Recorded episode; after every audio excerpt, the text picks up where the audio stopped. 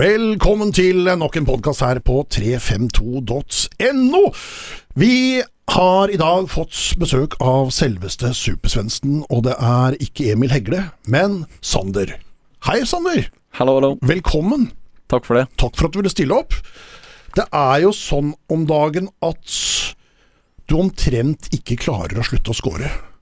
Hva er det som har skjedd? Altså, du var, du var hjemme i Danmark, eller i hvert fall ikke i Odd, i 14 dager. Hva, hva gjorde du i den tida der? Nei, Jeg var uh, først og fremst hjemme med familien. Uh, fikk noen gode skogsturer sammen med mor og landa litt. og... Så du var ikke i Danmark i det hele tatt? Nei, jeg var ikke det. Jeg fikk uh, brukt tida godt hjemme sammen med familien og venta på egentlig en avklaring om hvordan fremtida skulle bli. Så Fikk eh, gjort litt andre ting og sett eh, familie og brukt mye tid sammen med dem. Så det gjorde jo godt for, eh, for huet og for kroppen òg, å få lov å stille om litt.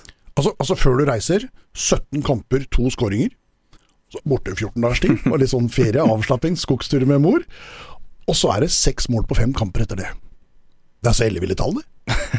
Altså, det er så sjukt. Altså, du har en forklaring på dette, eller? Ja, altså det er jo Først og fremst så har jeg jo på en måte Det viktigste oppi der er jo kanskje det at de har fått kommet til en plass hvor jeg trives å spille fotball igjen. Uh, jeg fikk lov å komme uh, til Odd, uh, og fra dag én har jeg følt meg veldig, veldig velkommen. og fått, fått, tilliten, fått muligheten til å være meg sjøl, få lov å spille fotball, få spille kamper, trene, kose meg sammen med en gjeng som det er sinnssykt kult å spille fotball sammen med. Uh, og det er jo kanskje den største grunnen til at ting har løsna litt nå. Uh, det er vel det at man har fått lov å spille fotball over tid og kommet inn i det igjen og fått bygd opp selvtillit og fått bygd opp hele greia. Og så uh, har jeg også brukt mye tid på det som skjer oppi huet siste tida, og på en måte snu om litt på at tidligere så har det vært ofte at de går ut på en fotballbane med følelsen av at de må prestere, at de må være gode, og at de må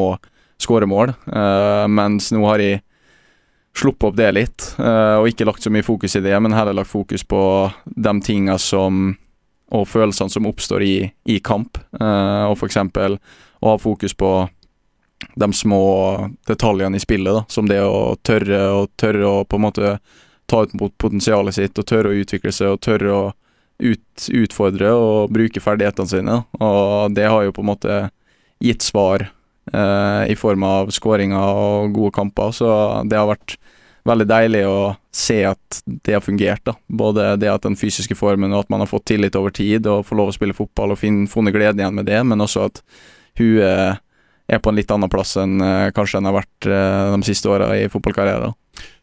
Ja, Men hva kommer det av? At man plutselig snur om nå? Er det noe som du har tenkt på? Har du fått hjelp til dette, eller er det noe du har kommet fram til selv, eller hvordan foregår dette? Ja, det er jo litt sånn uh, Alle fotballspillere har jo sine hemmelige oppskrifter på hvordan uh, man, man, finner veien sin, og det er litt sånn Det finnes mange forskjellige veier til rom, og det, det handler om å, å, finne sin egen vei, og jeg har på en måte brukt mye tid på å prøve å finne ut hva hvilken vei jeg vil gå, og hva som er riktig for meg, og jeg føler nå at jeg har forstått meg sjøl og begynner å forstå meg sjøl og se liksom hvordan jeg skal kunne ta de neste stegene og på en måte bli en bedre fotballspiller også. Og jeg tror også at når du har det bra i hverdagen din som menneske òg, eh, for, for, det er man jo også. Man er jo et menneske oppi der, og når man har det godt i hverdagen sin, man har gode mennesker rundt seg som man trives med, og som man syns det er kult å holde på med det man gjør, så, så tror jeg også mye av den gleden drar du med deg inn på ei fotballbane, og da vil på en måte mye komme naturlig av seg sjøl òg. Og så har jo dette selvfølgelig litt med form å gjøre også. Selvfølgelig. Jeg må jo være så ærlig at når jeg så deg i de første kampene i år, så ikke ut som var i toppform akkurat, uh, Svendsen. Nei, men det, det, har jeg også sagt, og det har jeg vært eh, ganske klar på, at fotballkamper er du må spille fotballkamper for å komme i fotballform. Uh, du kan trene så mye du vil på ei tredemølle og uh, trene hardt så hardt du bare vil utenfor og med alt, men den følelsen av å spille fotballkamp og fotballformen og den fysiske formen, den får du av å spille fotballkamper. Mm. Og det er jo en av grunnene til at de har vært så nøye med på en måte og vært så viktig for meg å få lov å være, være en plass sånn som nå med Odd, og være her hvor jeg vet at her har de troa på meg, og at de, de, ønsker at jeg skal få det til, og har tillit til meg, og det har betydd utrolig mye. Og da, når man har den følelsen av at du er en plass der folk tror på det, så begynner du også å tro på det sjøl. og det, det har jo gitt utrolig mye, og formen da jeg kom kontra nå, er jo sinnssykt stor forskjell. Og det er jo på en måte det arbeidet som jeg har gjort også, men det som støtteapparatet og alle som på en måte er i Odd, har hjulpet meg til å få fram òg. Så formen er veldig god nå. For, for det, bare én situasjon som bare kommer sånn opp i huet med en gang jeg tenker på det. Det er Sarpsborg-kampen på hjemmebane. Mm. Eh, hvor deres høyreside herjer mot oss. Mm. Altså De kommer og de dobler og de dobler, altså hele tida. Eh, hvor det da På den ene skåringa så blir eh, Magnus Lekven dratt ut av sin posisjon som stopper. Eh, John blir liggende for langt bak, og du kommer ikke etter. Og når du først kommer etter, så blir det sånn derre halvhjertet oppi, sånn fire-fem meter fra mm. spilleren, og så løfte litt sånn for syns skyld litt på beinet for å prøve å liksom Ja, jeg er her mm. når skuddet kommer. Det er sånn typisk jeg er ikke i formspillersak som, som er akkurat der og da.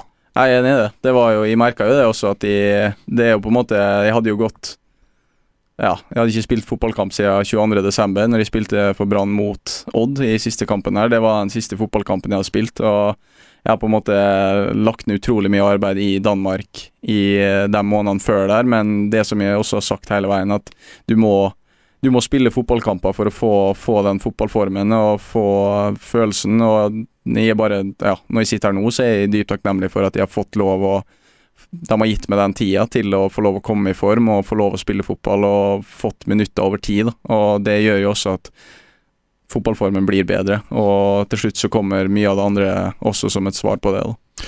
Og, så er, det virker som du er fryktelig populær der ute blant andre spillere. For altså, jeg har Jeg kan øh, være litt for ærlig kanskje noen ganger på Twitter.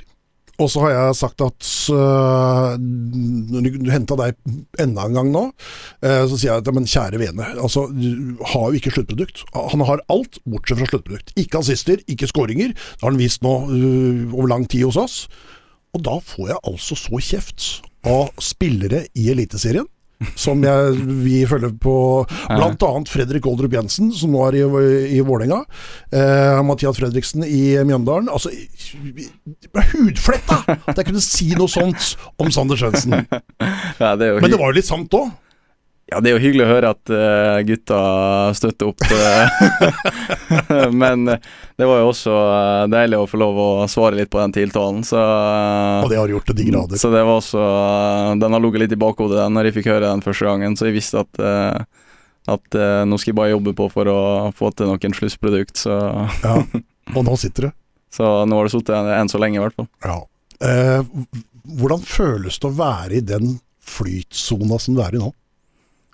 Det er veldig eh, befriende og veldig deilig, selvfølgelig. Uh, som personlig sett så er det Så ønsker man jo å hjelpe laget å, å skåre mål og, og, hjelpe laget til å vinne kamper. Uh, og det er jo det som på en måte har vært mitt mål egentlig hele tida mi i Odd. Uh, å vinne fotballkamper, syv, altså, som er det viktigste. og jeg ønsker å, om det så er å bidra med mål eller assist eller hardt arbeid, så er det på en måte sånn kampene blir, men så lenge vi som lag sitter igjen med tre poeng, så er det det som, som vi jobber hver eneste dag for på trening og i kamp. Uh, og det at vi dem, Når vi tar tre poeng, så er det på en måte ingenting som er bedre i hele verden enn at vi tar de tre poengene sammen. Uh, og det er jo det som uh, først og fremst er viktig, og så vet jeg at når man begynner å komme i form, og når man har på en måte ting begynner å løsne, så vil, vil man også kunne hjelpe laget med skåringer og med målpoeng og med med andre saker i spillet. Så, og det er også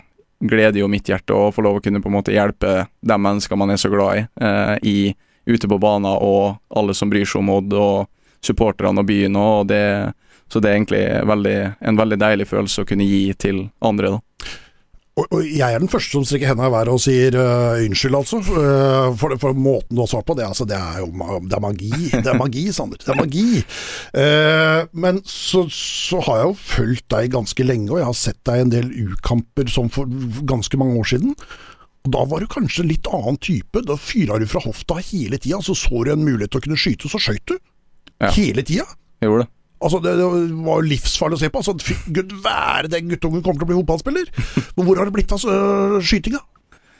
Ja, det er jo litt sånn øh, vanskelig å svare på akkurat hvor den øh, skuddfoten og skytinga har blitt, da. Men eh, det er jo litt sånn med tid da, og opplevelser, og litt sånn du, du blir voksen og du opplever forskjellige sider av fotballivet, og så går du kanskje inn i perioder der du kanskje ikke helt tror på, tror på det sjøl, og tror på at du kan lykkes og tror på at du kan skåre de måla. Uh, og fra du var ung, så var det på en måte det beste du visste, og du visste at når du gikk ut på en fotballbane, så handla det om hvor mange mål du skulle skåre i dag. Uh, og så har det kanskje blitt litt uh, mer begrensa i spillestilen min uh, med åra. Uh, har på en måte kanskje blitt litt safere, har tatt kanskje litt mindre ansvar og ja, ikke på en måte ville skutt eller uh, skåret mål. da. Uh, ville det veldig mye, men har kanskje ikke turt å tatt, tatt sjansen på det. Uh, og det er jo en, blant annet en ting man, man jobber med nå, å på en måte ta, ta ansvar i, i skuddøyeblikkene og når man har muligheten òg, å finne de rommene. Og, og, det har jo på en måte i hvert fall fungert når man har snudd om den tankegangen litt, enn så lenge. Og så handler det om å ha fortsette med det som man merker fungerer. da. Og så er det på en måte eh, det har litt med spillestil å gjøre også, og hva slags formasjoner eh, klubbene dine er i. Eh, og du har jo blitt, mm, vært igjennom en del formasjoner nå på de siste åra. Mm. Forskjellig Molde, i Hammarby, i OB og også kantrollen i Odd. Hvor mye har det å si fra? Nei, hvor, hvor, mye, hvor, lang tid har det tatt å komme seg inn i den kantrollen som nå ser ut til å beherske veldig? Uh, nei, altså det har jo på en måte vært utfordrende Altså Folk ser jo bare 90 minutter fotball eh, hver søndag, og det blir veldig mye meninger rundt det. Akkurat det som skjer de 90 minutter, for det er på en måte Vi går jo på eksamen hver søndag, eh, og alle sitter og ser på det. eh, men det har jo på en måte vært utfordrende å skulle forholde seg til nye formasjoner, nye tankeganger, nye tankemønster over en lengre periode, sånn som det har vært de siste åra. det har vært veldig mange forskjellige klubber. Det har vært korte perioder. Det har på en måte vært vanskelig å sette seg ned i, i selve Du må på en måte rette inn og prestere. Og, det, og nye trenere i de klubbene også. Ja, og nye trenere. ikke sant? Så det har, det har, vært, eh, det har vært veldig lærerikt, og det har vært utfordrende. Uh, men uh, jeg føler liksom at det er litt sånn som med tida nå og her i Odd òg, at de har fått, fått tida, uh, fått tilliten over tid til å lære meg kantroller, til å gjøre, gjøre min egen. og fått veldig frihet til å utforske av Jan Frode og trenerteamet hvordan på en måte jeg vil spille den rolla, uh, og det gjør jo også at du føler en frihet i form av hvordan du beveger deg, hvor du er, uh, hvor du får ballen og de tinga der. Så jeg føler jo at uh, det at man nå sakte, men sikkert begynner å komme inn i den rolla, er jo veldig godt å kjenne på at man behersker dem den posisjonen, og syns at det, det, gjør jo at du, det er artig å spille fotball, og at det, du elsker de situasjonene du kommer opp i, og du føler deg trygg. Så, og det er jo fordi at man har fått tid i det, rett og slett. Mm. Hvis du kunne velge deg hvilken som helst formasjon, og hvilken som helst posisjon i den formasjonen, hvor ville du spilt da? Ah, det er et godt spørsmål. jeg har jo eh, fra mine tidligste fotballår eh, likt meg veldig godt i tierrolla. Mm. Eh, det har jo alltid vært på en måte plassen i Og ble brukt der også i noen U-samlinger og litt sånt? Ja, spilte der veldig mye egentlig, både på landslaget og på uh, ungdomslag, ungdomslagene i, i, Molde og det var på en måte der jeg uh, brukte mye av fotballtida mi. Uh, og så er det Uh, selvfølgelig, i hvert fall posisjoner Vanskelig å si en akkurat en posisjon, men det er i hvert fall de områdene jeg trives best i. Det er i mellomrommet og i på en måte rundt 16-meteren. Uh, eh, og jo mer på en måte man får være i de områdene, jo mer vet jeg at de også kan tilby ferdighetene mine til laget. da. Så 4-2-3-1 hadde vært perfekt for deg um, i en tirolle, J? Ja, jeg syns ikke at det hadde vært perfekt, men eh, jeg hadde jo trivdes veldig godt i tieren. Men eh, jeg må jo også si at jeg trives veldig godt i, på kanten i Odd òg. Den er veldig den er veldig fri, og du får på en måte det, det, er ikke fastsatt hvor du skal bevege eller hvor du skal stå. Det er på en måte Du lever med spillet, og det har de vært veldig klar på at du skal få lov til å gjøre òg. Og det det har jo gitt mye med at man kan spille på intuisjonen sin, man kan spille på følelsen. Hvor er det rom, hvor er, kan jeg angripe, hvor skal jeg bevege meg? Og det, det gjør jo også at du lever veldig i spillet hele tida. Uh, så jeg trives veldig veldig godt på venstrekanten, og jeg syns at det er liksom venstrekant eller tier er de plassene jeg trives best. da. Hvor stor er forskjellen på å spille i Odd og venstrekant under Dag Eilif Fagermo kontra under Jan Frode Nordnes? Uh, det er litt forskjeller. Uh, det er jo på en måte samme formasjon. Uh, og så er det litt forskjeller på, med tanke på hvordan man på en måte Hvilke utgangsposisjoner man har, og litt sånn hvordan man, hvor man skal ha ballen. Og ofte, i, i hvert fall første perioden min, så ble jeg ofte den spilleren som var tredje sist på ballen. Uh, du ble kanskje litt lavere i banen. Hockeyassist. Hockeyassist, ja, rett og slett. Så du ble litt lavere i banen, og du fikk ballen uh, i litt andre posisjoner, mens nå er du kanskje nest sist eller sist på ballen. Uh, så det er jo to forskjellige måter på en måte å spille kant på, men jeg trivdes veldig godt i den første rolla, og den rolla jeg har nå. jeg syns begge rollene er artig å spille. det er på en måte du kommer i mange av de samme situasjonene, og så er det litt små justeringer i forskjellen, på en måte. Mm. Eh, hvem ville du valgt, hvis du kunne? Nei, det Kan du si noe annet enn Nordnes, for, for, å si det sånn? jeg syns det er to, eh, to, Jeg hadde en veldig god opplevelse første gangen jeg var her, og jeg har hatt en veldig, veldig fin opplevelse sist gang, eller nå når jeg er her òg.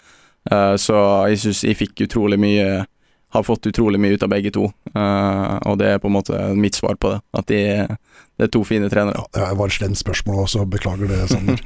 uh, jeg må spørre deg, uh, sånn relasjonsmessig uh, i laget, vil du helst ha Markus Kaasa som uh, venstreinnerløper, eller vil du ha Josh der?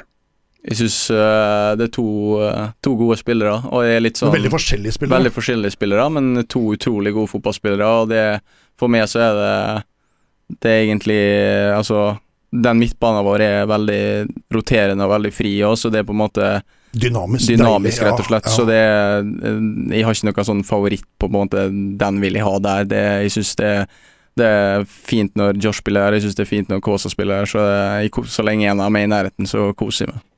For, for Jan Frode var ganske klar på det når uh, El Barashani uh, var venstrekant, at han ville ha Markus Kaasa der. For han spil, Markus spilte Rashani bedre.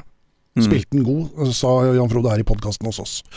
Uh, har du merka noe at det er lettere sånn i forhold til hans kreative løsninger og kraft? Ja, så Markus er jo en uh, en magiker, det bruker jeg å kalle han nå. Så uh, det, det, har han jo vært siden vi var 15 år og var på U-landslagene sammen. og det, jeg veit jo på en måte hva hvilket potensial og hvilken fotballspiller han er, og det er jo alltid fantastisk å å spille i nærheten av han, fordi at du, du vet at du blir satt opp i gode posisjoner, og du vet at du, du Han er veldig enkel å spille med. Eh, og det samme er Jeg kan, altså, kan, si akkurat det samme om Joshua. Han har, selv om de er to forskjellige spillere, så er de uh, Elsker presspill og gjenvinningsspill til Josh. Ja, elsker det. Elsker det, ikke sant. Og har utrolig gode basisferdigheter, har et godt blikk for spillet og har egentlig Eh, jeg skjønner at uh, klubber er interessert i han. Uh, større klubber og utenlandsklubber. Så det er, en, det er litt sånn Jeg syns det er fantastisk å få lov å spille sammen med begge to. Så har det vært sånn, Sander, egentlig i bestandig, at hvis du skårer mål, så vinner laget ditt. Den er dessverre brutt nå. Den Men den holdt lenge! Den holdt ei stund. Den holdt veldig det. lenge. Den gjorde det, altså. Lillestrøm. Lillestrøm. Øla den. Mm. Gjorde det. Hva er greia med det? Nei, det sånn, Vært sånn bestandig, altså. I alle klubber. ja, det, Jeg var ikke klar over den statistikken før jeg, før jeg, leste om det for et år siden, tror jeg. Uh, så det var jo ganske rart, egentlig. og jeg hadde jo ikke tenkt eller sett for meg at det skulle være sånn, men uh, Jeg snappa opp av danske Ekstrablad, Ekstrablad som har, uh, som, som, som har skrevet saken. Ja, ja, det var dem som skrev saken, så jeg, jeg fikk det med meg når jeg var i Danmark, jeg òg, men det er jo en uh, vittig statistikk, kan man jo si. Uh, men uh, det var jo vel kanskje en eller annen gang så måtte den brytes òg. Så litt kjipt at den røyk mot broderen, da, så må jeg jo si. Men det er jo sånn fotballen er, og det Uansett så Ja, det er en vittig statistikk. Ja. Det blei jo to skåringer den dagen, så det var jo ikke så halvgæren dag allikevel for din del. Ja, det viktigste er å vinne fotballkamper, så er det der hodet mitt ligger, så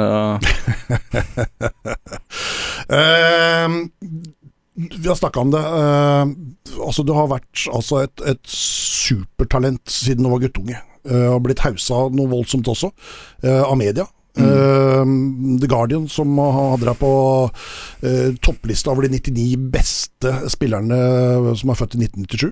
Mm. Og det har vært mye press egentlig lagt på deg at du skal bli fotballspiller, du kommer til å bli god. Hvordan har du opplevd det? Jo, det altså, jeg har jo merka det fra tidlig alder av at det har vært eh, stor pågang, og det har vært det har vært på en måte mye forventninger rundt, og mye snakk og mye eh, hausing da, eh, rundt meg som fotballspiller. Eh, og jeg har nok også lagt det presset på meg sjøl når jeg var yngre, at jeg absolutt skulle få det til veldig tidlig, og at de skulle lykkes å komme igjennom fort, veldig fort. Eh, og eh, Så det har vært på en måte utfordrende, men det har vært utrolig lærerikt òg, samtidig. Eh, det å på en måte få se litt hvordan fotballverden fungerer, og se hvordan uh, ja, mekanismene fungerer i fotballverden. At når man gjør det bra, og når man er i ung alder, så er det veldig lett at man begynner å lage gull og grønne skoger og kjærlighetshistorier om uh, hvordan et fotballiv allerede skal utarte seg. Uh, og det er jo ikke alltid sånn det er. Det er jo litt som uh, alle mennesker opplever, uansett om du er fotballspiller eller ikke, så, så, går livet Det går litt opp og ned, og så handler det om å, å jobbe seg ut av de litt tyngre periodene som har vært, og så handler det om å være takknemlig og glad for de fine opplevelsene og tida man har. Så jeg er på en måte jeg sitter ikke her og føler meg mislykka som uh, fotballspiller ennå, uh, for å si det sånn. Jeg, jeg har vært med på en utrolig reise allerede, og jeg er kun 24 år. Jeg har, har, en del år igjen som fotballspiller, og de menneskene jeg har møtt på den veien, og de klubbene jeg har vært innom, og de utfordringene jeg har møtt, og de oppturene og suksessen jeg har hatt, de har jeg på en måte Kommer alltid til å være med meg, mm. uansett i ja, så lenge jeg lever. Uh, og det er på en måte ting som jeg sitt, kommer til å sitte igjen med hele livet. Uh, og det Akkurat nå så er jeg takknemlig for at jeg har fått oppleve det, fordi at det har gjort meg til den personen jeg er i dag. Uh, og så vet jeg at jeg fortsatt har ting som jeg kan bli bedre på, både i livet og i fotballivet, og de tinga motiverer meg hver eneste dag til å, til å ville bli bedre og til å fortsette med det jeg holder på med. Så alt i alt så har det vært en spennende reise, og en utfordrende, men en, eh, et spennende liv. Mm. Og så har du jo tatt noen rekorder, og det er litt gøy òg. Ja, selvfølgelig. Du, du, altså, du er den tidenes yngste seriemester i Norge noensinne. Mm. Hvordan var det? Ja? Nei, det var kult. Det var jo eh, Når man tenker tilbake på det, så var det jo litt eh, spesielt som Hadde jo ikke gått ut av ungdomsskolen engang, og så sitter man på en måte med, med gullmedalje i hånda for det mange jobber livet av seg hele livet for å på en måte få til. Uh, og det, det var utrolig lærerikt og utrolig inspirerende å få lov å være en del av uh, klubben og være en del av Molde når den tida der, uh, og få se på en måte de spillerne som var i ja, som du var akkurat sittet i mattetimen i tiendeklassen, og så rett etterpå så satt du inne i garderoben sånn, men med legender i klubben og folk som du har sett opp til i alle år. og det det ga jo en utrolig inspirasjon og en utrolig glede over å få lov å være, være, med og se hvordan ting fungerer, da. Og få lov å få muligheten til å spille og være en del av det. Det, det var utrolig givende i en så ung alder, da greit populær blant damene på ungdomsskolen da, eller? Nei, det har vel uh, aldri vært mitt fokus når jeg var yngre. Så Nei, var, men ryk, ryktene på bygda var harde det, at det, du, du behøvde ikke å gå aleine, for å si det sånn? det var egentlig mest fotball det gikk i, så jeg vil egentlig avkrefte at det var ikke så mye Så mye annet på den tida. Okay.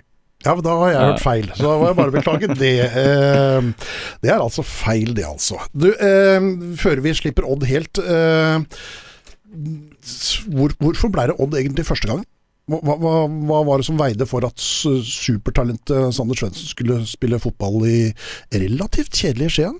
Nei, det, jeg vil ikke kalle Skien for kjedelig. Det, det må jeg påpeke først. Okay.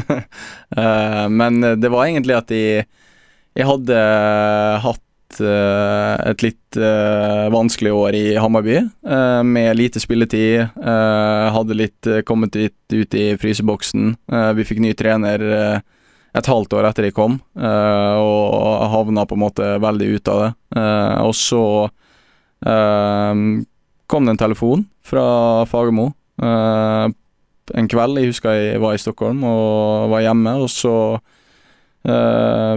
sa han at han hadde veldig lyst til at de skulle komme eh, og spille for Odd. Og så hadde vi en lang prat om planen og hvordan han ønska at det skulle være. For vanligvis er ikke Fagermo så veldig populær blant moldenser, skjønner du. Nei, det var jeg stussa litt på når jeg så at det var han som ringte, men eh, det var jo eh, etter en times tid med telefonsamtale der, så, så satt de Så tror jeg vi begge to satt igjen med et godt inntrykk, og at vi veldig gjerne ville prøve å få det til.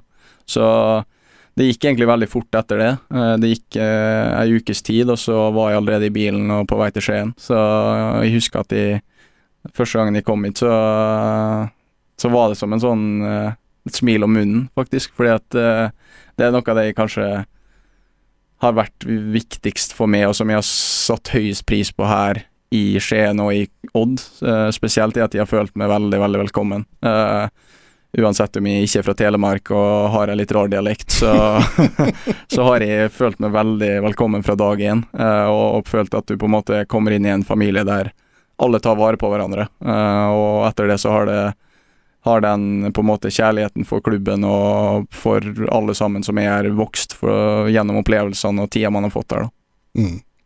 Var det da en no-brainer når Jan Frode ringte og spurte om det samme, eller?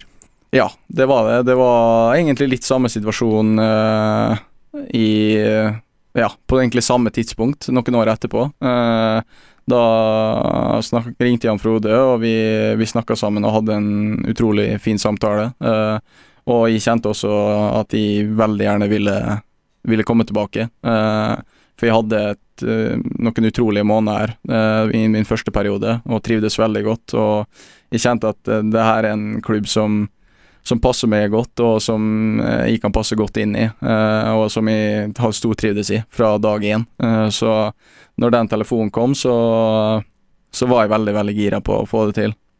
Og så tok det, tok det litt tid, lengre tid den gangen her, før det med ja, karantenesituasjonen og alt som skal løses rundt det, og hele pakka. Så, men det at vi fikk landa den til slutt, var jo en gledens dag, så det var, det var jeg veldig glad for.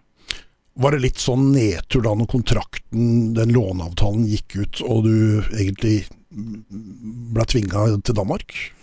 Ja, Sist så hadde jo ytra et ønske om at de veldig gjerne ville fortsette å være med, eh, og videre å være med sesongen ut eh, sammen med gjengen her. og eh, Jeg var på en måte veldig klar på at det var det jeg ønska òg, og jeg syns at vi til slutt klarte å løse godt mellom tre parter, da, mellom OB og Odd og meg, og vi kom frem til det til slutt, selv om eh, det tok litt tid. Men eh, igjen så jeg, når eh, alt var klart og papiret var signert, så var det en veldig lettelse å få, få pakke bagen sin, den lille bagen man hadde til Molde, og pakke bagen og sette seg på flyet nedover igjen og kjøre på videre. Ruud er jo legende i Odense. Det er han. Altså, kunne ikke han bare ringt og sagt at 'Her, det er Espen! og så fiksa det? Jo, det burde vel egentlig gått rett til Ruud, faktisk. Ja.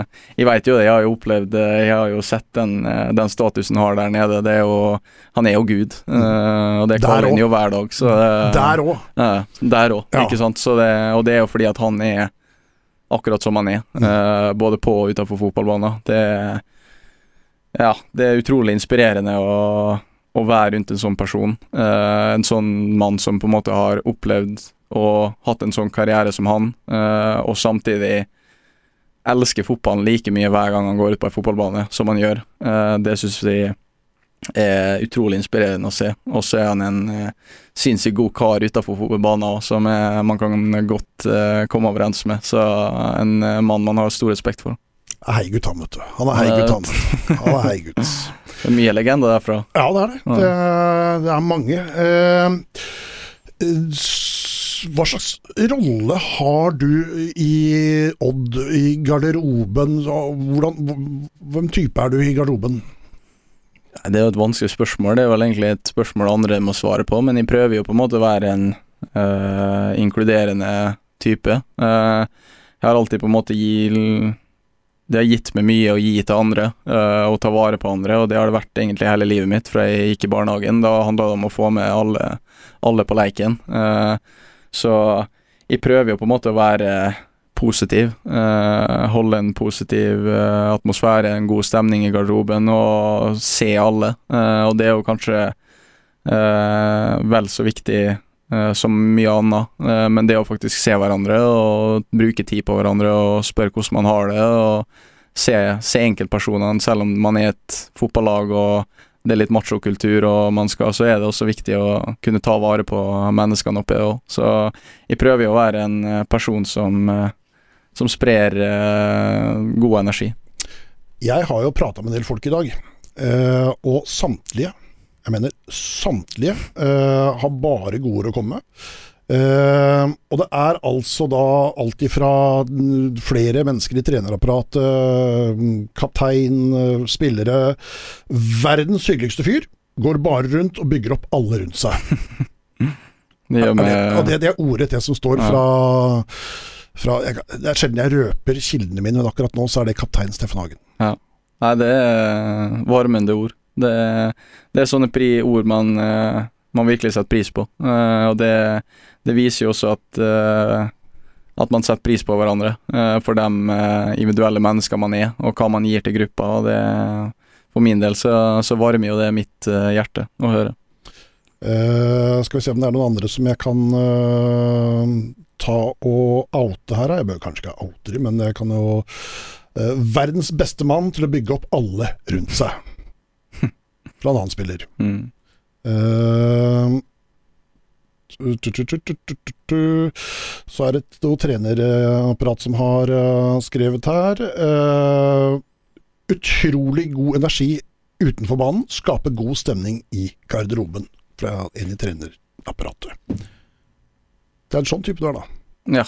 Det, tydeligvis. Man blir jo eh, nesten litt rørt, skal man til å si. Det, det er varmende ord, og det, det er sånne ting man, man setter pris på. At uh, andre også setter pris på den personen man er, og det gjør jo også at man uh, blir stolt og takknemlig over de tingene man gjør i hverdagen, og hvordan man, hvordan man er som person. Og da, for min del så har det alltid vært viktig å Det er kanskje det jeg setter mest pris på her i livet, det er å se et annet menneske smile. Og det er uansett om det er inni en fotballgarderobe, eller om det er en helt annen plass eller på en kafé. Det å se andre mennesker ha det bra og er glad, det er litt sånn eh, Står kanskje høyest hos meg, da. Eh, og har man det bra sjøl, og da kan man også gi, gi mye av det til andre mennesker òg. Så det, det man, blir, eh, man blir varm, rett og slett, i hjertet. Det er vakkert.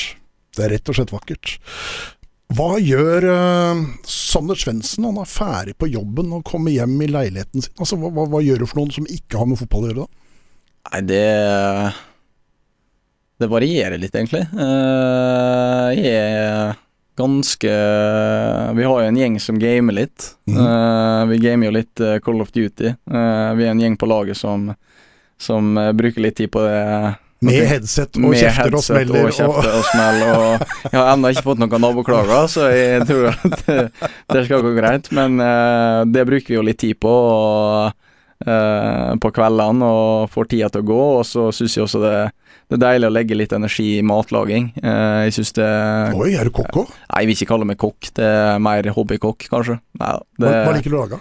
nei jeg syns det er spennende å variere litt. Eh, jeg er utrolig glad i kjøtt. Det Kjøttmann? Kjøttmann, Ja. det alle former av kjøtt. Det, og så jeg syns det, synes det er artig å legge litt tid i matlaging og bruke litt tid på det. eh, Og lage god og sunn mat. Så det, det er også Er det litt eh, det vanlige livet, at man ser litt på serier og går seg en tur og ja, får kveldene til å gå på litt forskjellige måter. Har du noen serietips?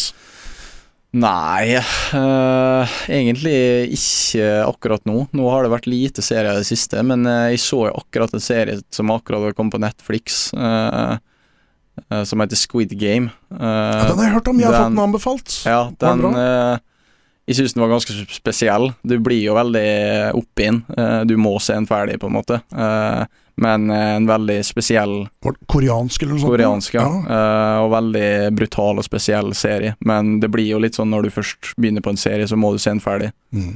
Eh, og så er jeg veldig glad i Vikings, da. Av eh, Ragnar Lodbrok. Ragnar, ja. Så det er jo hvis jeg skulle anbefalt én, så ville jeg kanskje anbefalt den. Det er bra serie. Jeg er enig med deg. Når skjønte du, Sander, at du var god i fotball? Mm. godt spørsmål. Uh,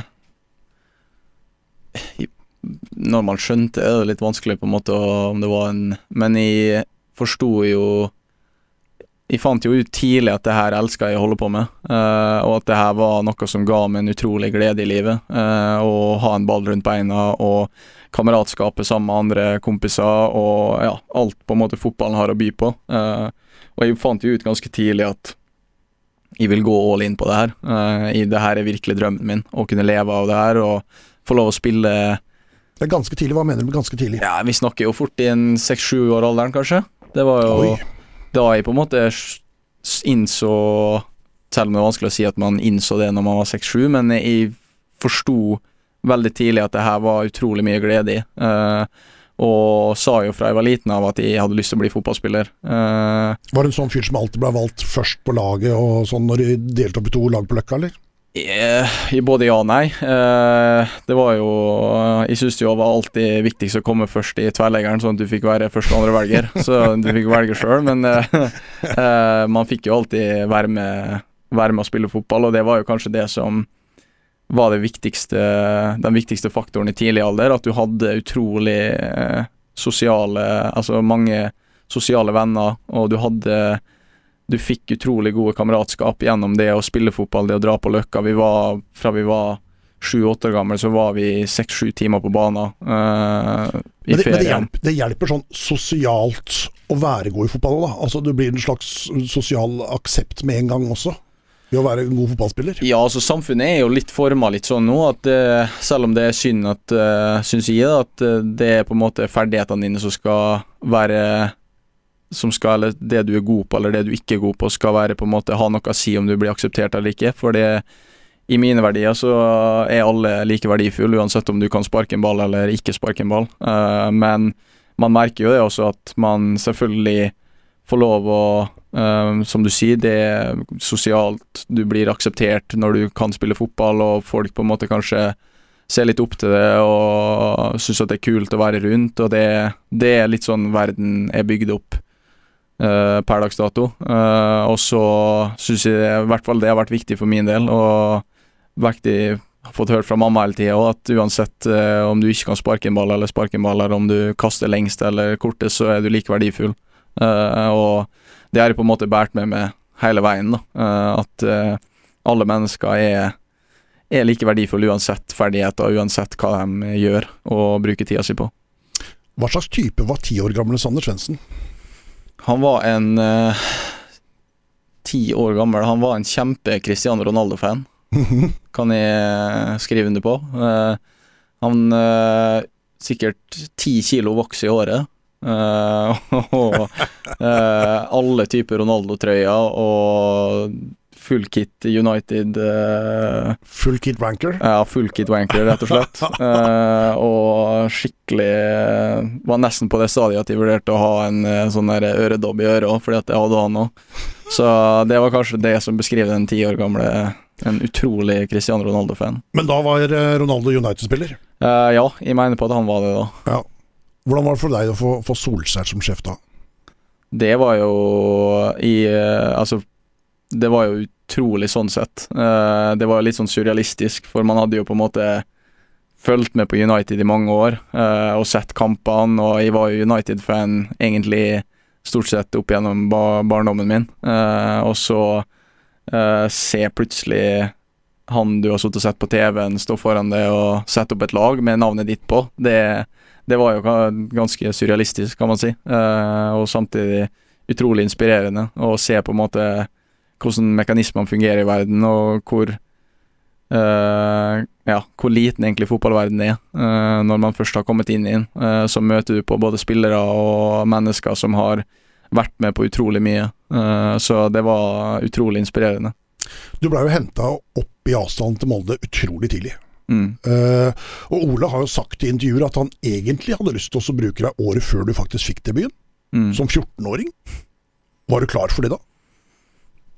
Det er vanskelig å svare på nå. Uh, en fotballfaglig så var jeg var, føler jeg nok kanskje at jeg var klar for det. Uh, jeg følte ikke at jeg sto tilbake fotballmessig på treningene eller på andre ting. Selvfølgelig eh, var det mye gode fotballspillere her, men jeg følte at, altså, at de heng, hang med og kunne, kunne, utrette ting og være med og, og prege en trening. Eh, men som 14-15-åring og eh, mentalt, så, så, vet ikke om jeg var klar for det. Eh, og det er det er liksom to aspekter av fotballivet. Man kan være en utrolig god fotballspiller, men huet ditt skal være med, være med på den reisa òg. Hvis, hvis, du ikke er klar for det i skallen, men eh, så, så kan det også bli uh, mye utfordringer og mye eh, Igjen mye lærdom, da. Men uh, det handler jo om hvordan du, du bruker de tinga du får, og de opplevelsene du har. Og det føler jeg har fått i hvert fall veldig mye igjen for. da.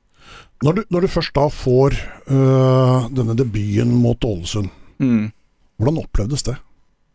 Det var jo helt sykt. Eh, det var på en måte det jeg hadde drømt og jobba for i så mange år. Jeg hadde sittet nede på, uh, på Aker stadion der uh, med den dufta av gresset i alle år hver søndag og sett på heltene uh, som, hadde, som, hadde, gått ut på der og spilt, og sagt på en måte Daniel Berg Hestad, ja, Magne Hoseth uh, Alle sammen, og det er på en måte sykt å tenke på at når man noen år etterpå spiller på samme lag som dem og går ut på får den samme lukta hører den samme musikken, hører, ser dem samme, men du, du sitter ikke oppå de blå setene, du sitter faktisk inne i garderoben der og ser, ser dem tar på seg skoene, og du sjøl tar på deg fotballsko og skal være en del av det. Det var, det var hel, en helt sinnssyk opplevelse, og det å få lov å komme ut der mot Ålesund, det er jo på en måte derby, og det var stappfullt. Å få spille den kampen der og komme inn, det var sånn, ja, en guttedrøm som man hadde jobba utrolig lenge for, da, som gikk i oppfyllelse. Hva husker du av kampen? Jeg husker at jeg jeg husker jo egentlig ikke så mye, fordi at det, var, det blir så, du blir så in the moment. Uh, det blir sånn med en gang du går ut på en fotballbane fra du har vært ung, så, så slår du på en sånn bryter som at det er det, det her, det, er det her, som finnes i verden akkurat nå. Uh, så jeg husker jo spesielt akkurat når vi bytter, uh, og så husker jeg når de kommer inn og hører mitt navn, og så er det en situasjon der jeg har et hælspark eller noe sånt i kampen som jeg husker det ble litt uh, applaus for, da. Um, så det var jo uh, Det ga jo mersmak, så Men det var alt i alt en utrolig opplevelse i en ung alder. Mm. 4-1-seier. Ja. 15 år, 9 måneder og 3 dager gammel. Ja, det er tungt. I tidlig mai i 2013. Mm. og som sagt, da ville Ole egentlig også prøve deg året før. Ja. ja. Uh, det er ikke så veldig mange som har, vært, eh, har debutert eh, noe særlig tidligere enn det? Nei, det, det, er vel kanskje ikke det. og det var jo Jeg hadde vel kanskje ikke sett for meg at det skulle gå så fort sjøl heller. at jeg skulle få debuten i en alder av 15. det var vel ikke helt det jeg kanskje hadde laga opp i huet mitt, men jeg merka jo tidlig at jeg fikk mange gode opplevelser på A-laget. Jeg hadde en god del gode treningskamper sammen med dem i preseason, og uh, fikk litt som sett mekanismene i fotballen, at når du, når du gjør det bra, og når du på en måte er det sjøl og spiller fotball på den måten, uh, og du bruker ferdighetene dine, så, så vil du også lykkes òg, og at du tror på, tror på de tingene du er god på. og det, det var egentlig et litt svar for min del på at uansett om du møter folk på 15 år som er like gamle som deg, eller om du møter spillere som hadde spilt 200 eliteseriekamper. Frode Kippe som allerede den gang var 40 år. ja, men altså litt sånn, så var det Så lenge du tror på det du holder med, og tror på ferdighetene dine, så er det et svar på at det fungerer uansett hvilket nivå det er på.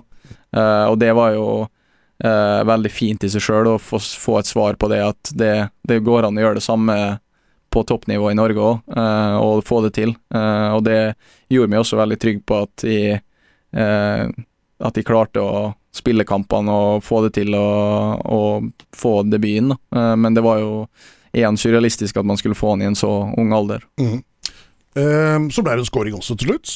Det gjorde det. Og det er, du er jo fremdeles da den femter yngste som har skåret i Eliteserien noensinne. Ja. Det, det er ganske kult, det ja. òg. Ja, det var Ting starta tidlig, og det var jo eh, mot Sarpsborg hjemme, tror jeg, eh, den skåringa kom. Eh, og det var jo også en eh, syk opplevelse i seg sjøl. Eh, jeg hadde jo Jeg har jo på en måte vært viktig for meg å skåre mål opp gjennom karrieren min og opp gjennom fotballivet mitt, og det har alltid på en måte betydd mye. Uh, å få hjelpe laget med skåring, og det å kunne få lov å skåre på hjemmebane foran ja, publikum og foran uh, besteforeldre og, og, familie og mor og far. Skolekompiser og, Skolekompiser og alt, på en måte. Det var sånn uh, Ja, enda en ny guttedrøm som gikk i oppfinnelse. Så det Man fikk være med på en del ting i ung alder som man sitter igjen med som uh, utrolig god opplevelse. I den tida der sånn, så altså, det gikk jo gjetord om, om deg og broderen. Og blei henta til Ajax mm. igjen og igjen. Hvordan kom dette i gang? Fortell om tida i Ajax. Um, det kom vel første gang Det var broderen som var på en sånn fotballskole uh, i, uh, sammen med en del kompiser i, uh, på Ullern, tror jeg det var. der Ajax hadde en sånn fotballskole. og så tror jeg det endte med at det var én eller to spillere som fikk lov å være med på over, eh, som de syntes hadde, skulle få lov, få lov, å være med. Eh, så det endte jo først opp med at Tobias eh, var der to ganger, tror jeg, først. og så kom det egentlig en invitasjon den tredje gangen, tror jeg. Tobi skulle dit, og da ville de veldig gjerne ha meg med og se på meg og se hvordan mine fotballferdigheter var. og det var jo det å komme inn på du hadde jo sett på, på, YouTube og på TV og liksom sett stadion og sett alt, og det å komme inn på treningsanlegget her og se det, banene og måten de drev på, det var ja, igjen sinnssykt inspirerende og sinnssykt enormt. Eh, det er et sinnssykt anlegg, eh, og du merka det jo fra, fra den minste detaljen der inne til hvordan spillerne på en måte ble utvikla, og hvordan de bygga spillerne til å bli fremtidige superstjerner. Uh, og jeg spilte jo, jeg trente jo hele tida der nede, f.eks. med han uh, van de Beik, uh, og han var jo allerede god da. og det er jo mange av de spillerne som jeg trente med der nede nå, som spiller rundt omkring i storklubber i verden. så det var jo enormt å, å, få lov å komme ned dit og se hvordan de, hvordan de drev. Hvor langt unna var du egentlig overgang, eller kobla til Ajax der? Mm, nei, det veit jeg egentlig ikke. Eh, det, vi var nede der to ganger, og så um, hørte vi egentlig ingenting fra dem, eh, egentlig. Så det, det, endte opp med to to prøvespill eller to der nede, og så ble det ikke så mye mer kommunikasjon etter det. Så hva som skjedde og hvordan ting ble, det veit de egentlig ingenting om. Uh, jeg forholdt meg til at de, jeg var Molde-spiller, og det var der historien min skulle ligge fremover, så det var det som mest sannsynlig var det rette òg, da. Fire sesonger i Molde. Uh, hva, hva sitter du igjen med egentlig sånn etter tida di i Molde? Bortsett fra et par gull uh, i serien og, cupgull og Nei, jeg sitter jo igjen med en uh, utrolig utrolig lærdom uh, og utrolig takknemlighet over igjen de menneskene man har møtt, og de uh, utviklingsåra man har hatt. Uh, det har jo på en måte fra jeg var veldig ung, følt meg veldig satsa på i klubben. Uh, jeg fikk gå gradene, uh, blei ofte tatt opp tidligere på lag. Uh, fikk utforska, fått prøvd med på nye eh, nivå og nye eh, lag, og det var på en måte veldig givende. Og du følte at du tok nivået, og du kom, eh, det at de fikk komme opp på A-laget tidlig og fikk lov å være med de storgutta og spille fotball, det var jo også utrolig inspirerende. Og eh, det er på en måte den lærdommen og den utviklinga og den oppveksten jeg hadde i Molde, den uh, har vært gull verdt for meg. Uh, og den sitter man igjen med selvfølgelig som en utrolig takknemlighet for den spilleren man er i dag òg. Uh, eh, for mye av grunnlaget blir lagt i, i, hverdagen der, og jeg hadde utrolig mange flotte, gode mennesker rundt meg, trenere og alle rundt, som på en måte ja, jobba med utviklinga mi og jobba med at jeg skulle bli en bedre fotballspiller og et bedre menneske. og det, så jeg sitter igjen med en utrolig god uh, følelse for den tida som jeg hadde der. Og så er det jo, altså, Du ble jo linka til flere klubber eh, da når vi var i 17, rundt ja, tidlig på året der. Eh, så havner du litt overraskende for ganske mange i, i Bayern, altså i Hammarby i Stockholm. Mm. Hva var greia bak det? Nei, det var egentlig at uh, jeg var egentlig uh, Hadde lyst til å prøve noe nytt. Uh, hadde lyst til å prøve med i en annen liga, et annet land. 20 år gammel. 20 år gammel. tidlig, men jeg hadde vært med på mye og følte at jeg egentlig veldig gjerne ville spille spiss. og jeg hadde en samtale med Eidur Gudjonsen når han var i Molde. Uh, som snakka om det med at hvis du spiller på veldig mange posisjoner, så blir du, som han sa, average på alle posisjoner. Mm. Mens med en gang du kommer ut til utlandet, så kommer du til å møte spillere som har spilt hele livet sitt som spiss, hele tida si som kant, hele Og da er de spisskompetansen deres ligger der. Så da vil du alltid være the second choice, kalte han det. Mm. Uh, og det husker jeg også og det er jo fantastisk for en trener å ha en potet altså, som kan flytte rundt. Ja, selvfølgelig. Altså Gilly Rolandsson, hvor har han ikke har spilt nå? Altså Det må jo være fantastisk som trener, men grusom for spilleren. Og hele tida måtte ha nye ting å forholde seg til relasjonelt, og ikke minst taktisk. Altså alt, alt som hører med. Uh, ja, altså Gilly er jo en person som kler veldig mange forskjellige posisjoner. Han, du ser at han tar jo alle posisjoner uansett hvor det er på banen altså med glans. Han hadde jo sikkert storspilt som keeper og så satt han der, liksom. Så, uh, så han er jo en uh, han har, Men han har jo ferdighetene til å kunne kle alle roller. men selvfølgelig så er det jo sånn som jeg kjente på sjøl, at det var viktig for meg at jeg ville veldig gjerne spille spiss. og når Hammarby da viste interessen for meg og uh, sa at her får du spille spiss, og her er det Her skal du på en måte Det her er planen vår, og da uh, var det på en måte ja, en sjanse jeg ville ta. Uh, jeg kjente at det var riktig per dags dato, og ville prøve ut det. og igjen ble kjent med utrolig mange gode, flotte mennesker og en fantastisk klubb eh, med en fantastisk supporterkultur eh, som eh, igjen Som er minner som jeg sitter igjen med resten av livet. så jeg angrer aldri på at jeg dro til Bayern og fikk lov å være en del av den klubben. Um, jeg hadde en veldig god, fin, god, og fin tid i Molde, og jeg hadde en, også en veldig fin og utfordrende tid i Hammarby òg, men veldig lærerik og utrolig å få se den supporterkulturen og den kjærligheten, og hvor mange mennesker som bryr seg om den klubben, og hvor mange fine mennesker som er i klubben. For oss som har spilt uh, championship manager og football manager hele livet, så er det også Hammarby. Kennedy Bakircioglu.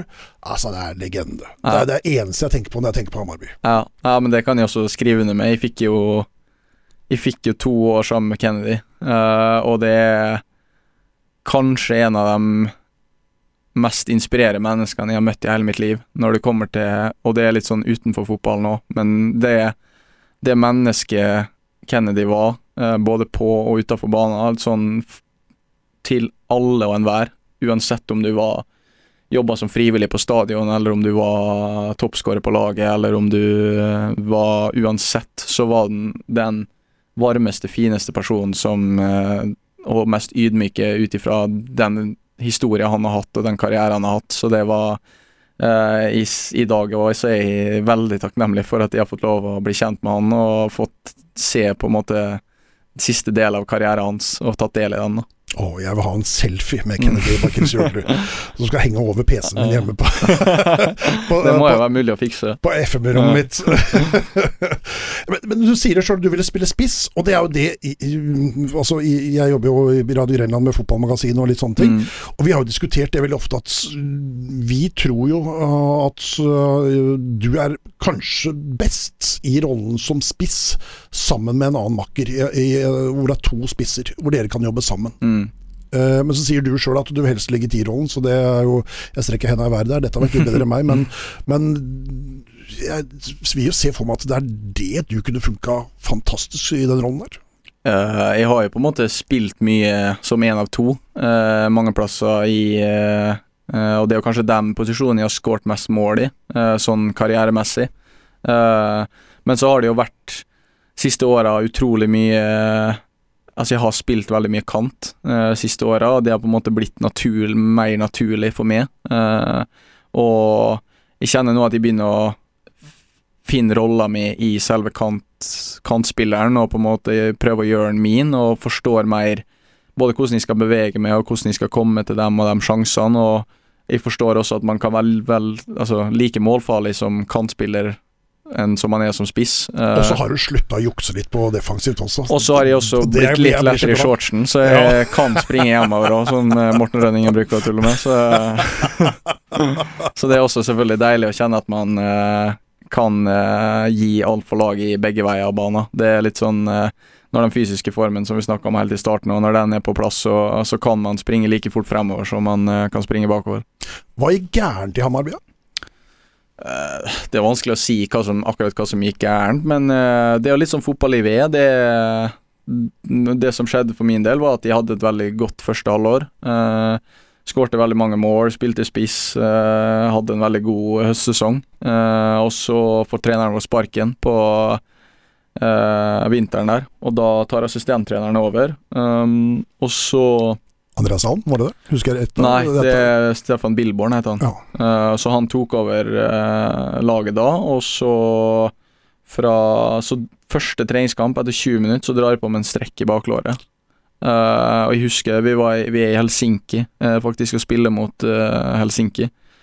Og etter 20 minutter så drar jeg på med en strekk i baklåret, og den sliter egentlig med hele preseason. Uh, men jeg er livredd for å miste plassen min, uh, og jeg så jeg tvinger meg sjøl igjennom. da. Så jeg spiller med uh, de smertene i flere måneder, eh, og det ender jo opp med at prestasjonene mine blir fullstendig ræva òg, om man skal si det sånn. Eh, så jeg presser meg jo gjennom, og hadde aldri vært i en situasjon før hvor jeg var skada. har vært veldig lite bank i bordet. Eh, og så ble jeg skada da, eh, og brukte lang tid på egentlig mye lengre tid enn nødvendig, fordi at jeg var så redd for at jeg skulle miste plassen min. Så jeg kriga meg gjennom flere måneder med ødelagt hamstring. Eh, og mista plassen, havna ut av det, eh, gjorde dårlige prestasjoner, og så ble det en lang vei tilbake igjen. Eh, og prøve å jobbe seg inn igjen i laget, og prøve å jobbe seg inn, og så gjorde laget det utrolig godt eh, den sesongen òg. Vi lå vel og kjempa mellom første- og tredjeplass i hele sesongen. Så det er jo selvfølgelig ikke bare å bytte et lag som, eh, som fungerer. Var vel også tidenes jevneste allsvenska på topp der, sånn. Var det Ja. tre lag som kjempa helt inn til siste kamp? Jo, sånt, så vi endte opp på fjerdeplass, mener jeg, eh, på, i siste kamp. Eh, så det var et utrolig rotterace hele det året, og det var et lag som fungerte veldig godt. Det kom inn en del spillere som, som hadde vært med på mye og vært, vært gode over tid, og de kom jo inn og, og spilte. Eh, og så eh, Så det ble et veldig sånn krigeår. Eh, og så tok jeg opp hansken igjen til neste år. Kom inn i utrolig god form og gjorde gode treningskamper. Og så ringte Odd og Fagermo, og da kjente jeg at det var absolutt noe jeg hadde lyst til å prøve ut. Så det var sånn den historien var. Og så kommer da altså dette Danmarkseventyret. Mm. For, for det virker jo som det skal bli et eventyr. Og, Mm. og, og jeg tenker at Idet du skriver under, tenker du at dette er klubben til Sander. Altså dette er, dette er hans greie. Dette kommer til å lykkes så fantastisk. Mm. Og så kommer debuten, som må vel sies å være helt ok. Ja, det var jo en, eh, en sinnssyk opplevelse å komme inn her og, og skåre to mål. Det var jo eh, en utrolig start på, på oppholdet der, og et eventyr der, så det var Det var, ja Sykt å tenke tilbake på, egentlig, når man eh, de to måla der og fikk oppleve den stemninga fra, fra første sekund, egentlig. En halv time mot Lyngby var alt som skulle til. To skåringer på en halvtime der. Ja. Og så ble du kåra til banens beste på de 30 minuttene. Og, og bare fansen tar helt av. Altså, jeg fulgte med på Twitter da, og følger en del folk der nede pga. Espen og den biten Mm. der. Folk de var helt gærne etter deg! Mm. Kunne ikke få nok Sander Svendsen. Men hva skjedde for noe?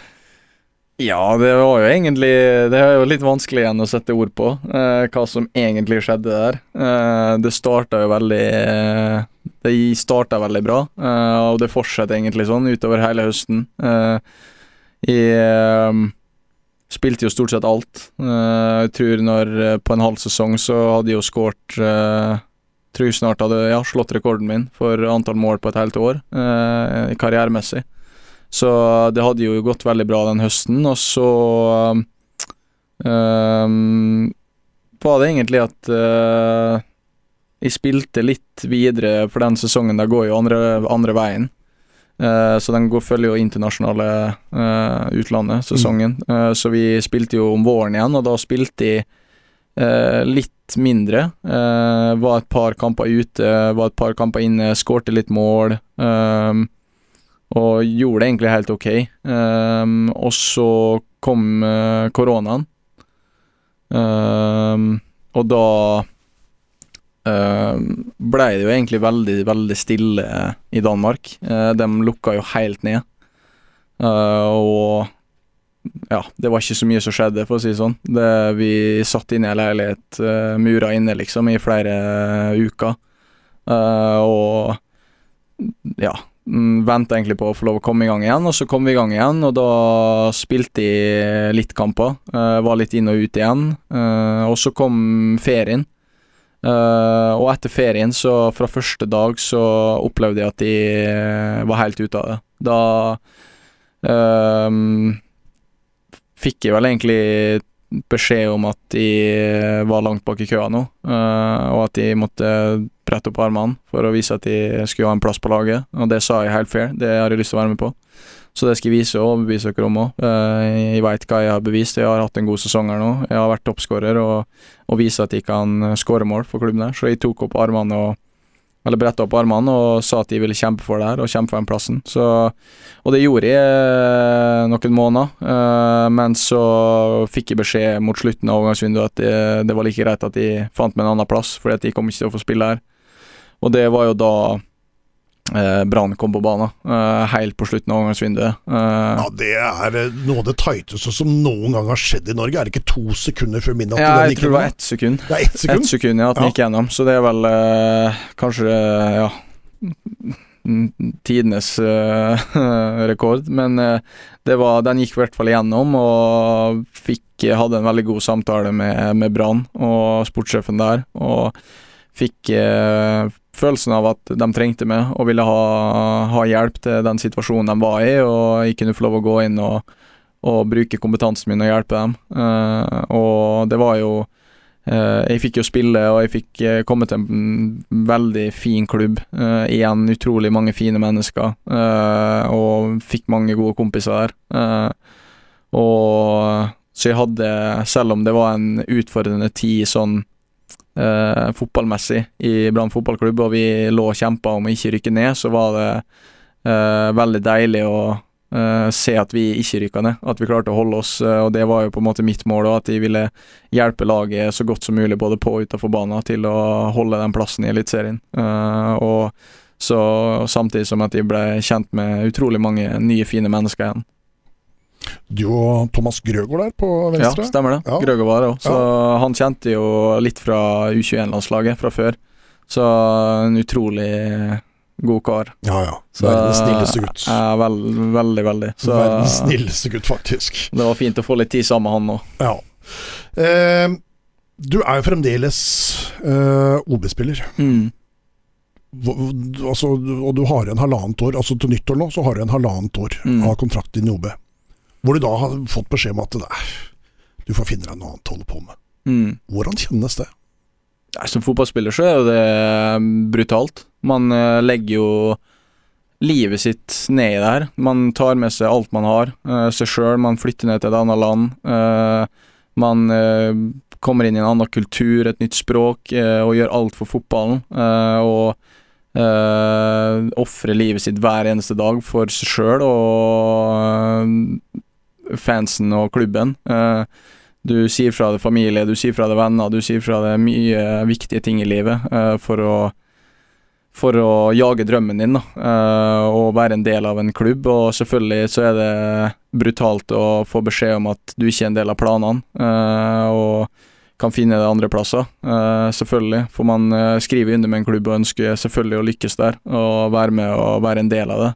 Men man også får jo se litt uh, baksida av medaljen når det kommer til fotballverden. At uh, det kan være uh, så mange fotballspillere jeg kjenner på og har opplevd, og mange kommer til å oppleve at det, er- det er veldig Det er et brutalt yrke. Du, enten så er du med, eller så er du ute av det. Uh, og det Alle opplever det i alle klubber, typ, og det, du må være hard i skallen for å, for å kunne stå i det og forstå hvorfor ting blir som det blir, og prøve å lære av det. Uh, og det det er sånn fotballivet er, så jeg på en måte klarer å ta det. Og jeg tar det ikke personlig. Jeg vet akkurat hvilken fotballspiller jeg er og hva ferdigheter jeg har, og jeg vet at det handler om å være på de riktige plassene og ha de riktige folka rundt seg, og da vil eh, det som kommer på fotballbanen, komme naturlig òg. Mm.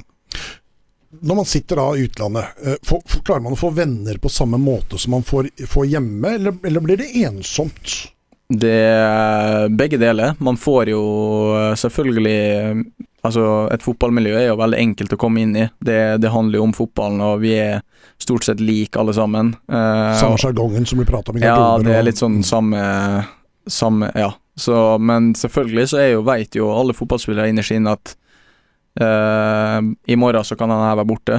Eh, og eh, det tror jeg alle fotballspillere har med seg litt òg, at man knytter kanskje ikke de tetteste bånda til alle sammen, fordi at man vet at på et eller annet tidspunkt så ser jeg kanskje han her ikke igjen før om sju, åtte, ni år, plutselig. Eh, og da er det kanskje naturlig at man man holder litt igjen, eller at man ikke får de samme connections som man kanskje får med barndomskompisene sine, eller de menneskene man har rundt seg 24-7 og har resten av livet, da.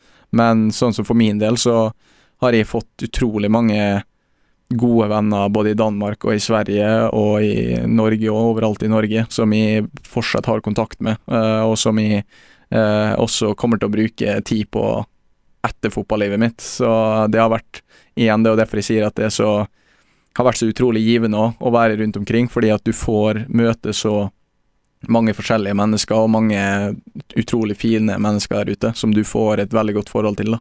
Så det har jo vært, eh, for min del så har det vært alle plassene jeg har vært, vært veldig sosialt, og jeg har fått mye gode, gode kompiser. Er det en sånn type som legger om språket når du kommer til Sverige og Danmark, eller er- holder du på, på romsdarsken og legger på sånn hold istedenfor laget og litt sånne ting? Nei, jeg, jeg har egentlig vært en type som legger veldig om. Eh, og det skjønner jeg jo når det kommer til en moldenserdialekt. da. Fordi at jeg husker første gangen i Hammarby jeg skulle, skulle måtte presentere meg sjøl foran hele laget. Eh, og da begynte, sa jeg hele presentasjonen først på en moldenser. Og så sa spilleren etterpå at jeg må bare si en ting, men jeg skjønte ingenting av det du sa. så da, der så begynte jeg kanskje å tenke at jeg kanskje måtte begynne å legge om litt Uh, Trenger ikke å gå over helt til svensk og dansk, men å legge om litt ord i selve setningene og få på en måte det til å bli enda mer forståelig, da. Er du en type som tar språk lett? Eh, ja, egentlig. Det Mhm. har vært eh, Både svensk og dansk har gått veldig fort å lære seg. Eh, svensk går egentlig Gikk veldig fort. Det skjønte jeg egentlig ganske det meste Ja, av men vi er jo vokst opp med svensk TV og Pippi Ja, og det er akkurat det, Emil så det gikk veldig fint. Men den dansken, da måtte jeg gå et par runder med meg sjøl i første gangen jeg var der, fordi at da var det utrolig vanskelig å få med seg hva folk sa. Eh, men med tida så catcher du orda, du catcher setningene, du catcher liksom Se en, se en dansk serie på Netflix og ta av norsk tekst, så er du der. Ja, så det er akkurat det. Ja. Så det handler om å lære seg bare å klare å høre og gjenkjenne orda, eh, og så kan du begynne å lage setninger sjøl, og så kommer det sakte, men sikkert. Og det er litt sånn Litt sånn med alt i livet. Jo mer du på en måte tør å hoppe i det, og tør å utfordre sjøl, og tør å prate, jo enklere er det også å lære det. Så. Både i Sverige og Danmark så har du spilt på utrolig store arenaer. Altså Stockholmsderby, spilt i København. Altså Mm. det er eh, hva, hva er det kuleste som uh, proffspiller utenlands? Uff. Det Det er jo utrolig mange gode, kule opplevelser som du, sånn, du har sittet og sett på på TV-en når du var yngre, liksom. Uh, men det sjukeste jeg kanskje har opplevd til nå, sånn i Sverige og Danmark sammen, så er det nok dem Stockholms derbyer. For det var helt enormt på sin måte. Det var opp oppbygninga før kampen. Du kom inn eh, Du kjørte inn til stadion, og det er helikopter, det er politihester, det er politi, det er Alt er så Det ser ut som du er på en film. Eh, altså Det var helt utrolig å oppleve, og, og du ser på en måte hvor mange mennesker ja, på hvert sitt lag som det betyr så mye for, da. Eh, og bluss og slåssing, og selv om det ikke er positivt, da, men eh, du får se hele aspektet av fotballen. da. Eh, og eh, det var kanskje noe av det sykeste. Og så husker jeg at vi spilte mot AIK eh, på Friends Arena, da de satt publikumsrekord. det var også helt ellevilt. Å se den, det trøkket som var på den stadion der, da. Det var det er kanskje de sykeste utenlandsopplevelsene jeg har hatt. da, sånn Når det kommer til stadion og lag og hele greia. Til nå. Til nå, ja. Til nå. eh, Sander, du, har, eh, du er en av de som har fått med deg aller, aller, aller flest uh, U-landskamper uh, i Norge. Du på topp ti-lista der. Ja. Uh, langt ifra Tommy som har rekorden på 99, mm. Tommy Svindal, men, uh, men har fått mange. Uh, helt ifra 15, du har vært med på 16-17, altså du har vært med hele veien opp til U21. Mm. hva slags erfaringer, hva, hva, sitter du igjen med etter landslagskarrieren din så langt?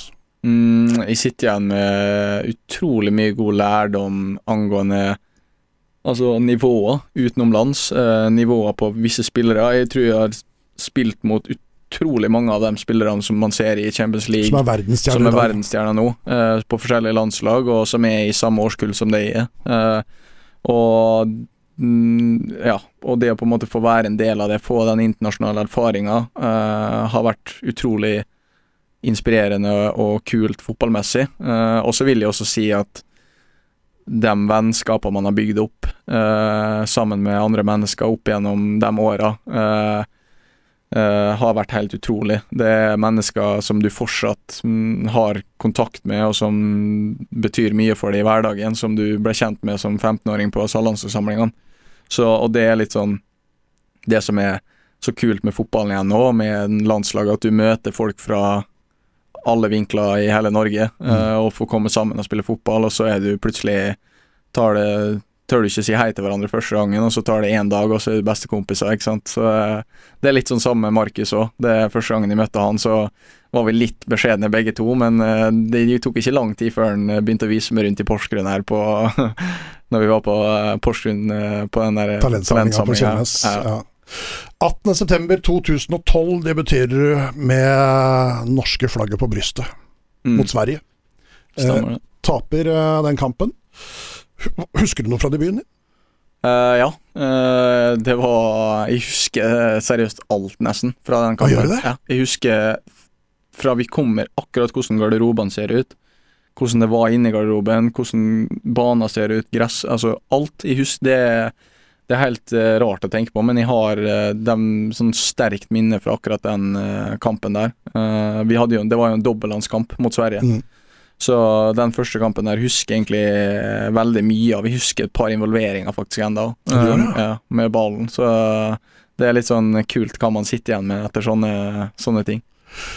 Ja, jeg har sittet og sett på troppen mm. den gang. det er ikke så mange av dere som faktisk blei fotballspillere?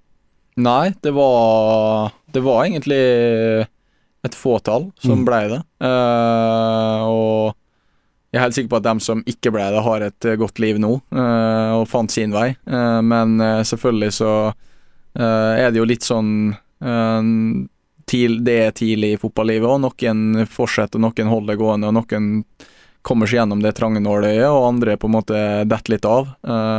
og det er litt sånn fotballen, fotballen fungerer òg. Men man har jo også vært med på utrolig mange forskjellige lag og møtt utrolig mange forskjellige mennesker eh, opp gjennom landslagstida. Så eh, noen har jo tatt steget, og noen har ikke valgt å ta steget. Så det, det er jo utrolig spennende å se hvem som, som går hele veien og ikke. Da. Sier også litt om hvor, hvor bitte, bitte lite det nåløyet er for å bli fotballspiller, da. Ja. Når man tenker på, altså, Blir man tatt ut på en U15-landslagssamling, da er man god, altså. Ja, øh, absolutt. Det, det, er mange 15-åringer rundt om i landet som mest sannsynlig hadde gjort mye for å være med på de samlingene der. Og det at man får, får sjansen til å være med og, og, vise seg fram og være en del av det, er jo utrolig stort. Uh, og så er det jo selvfølgelig, som det viser her òg, at det betyr ikke at fordi at du er på U15-landslaget, så betyr det ikke at du kommer til å bli fotballspiller. Uh, altså, du kan like gjerne være, ikke være på U-landslaget og bli en fantastisk fotballspiller. Uh, og du kan også være på alle landslag og ikke bli en fotballspiller.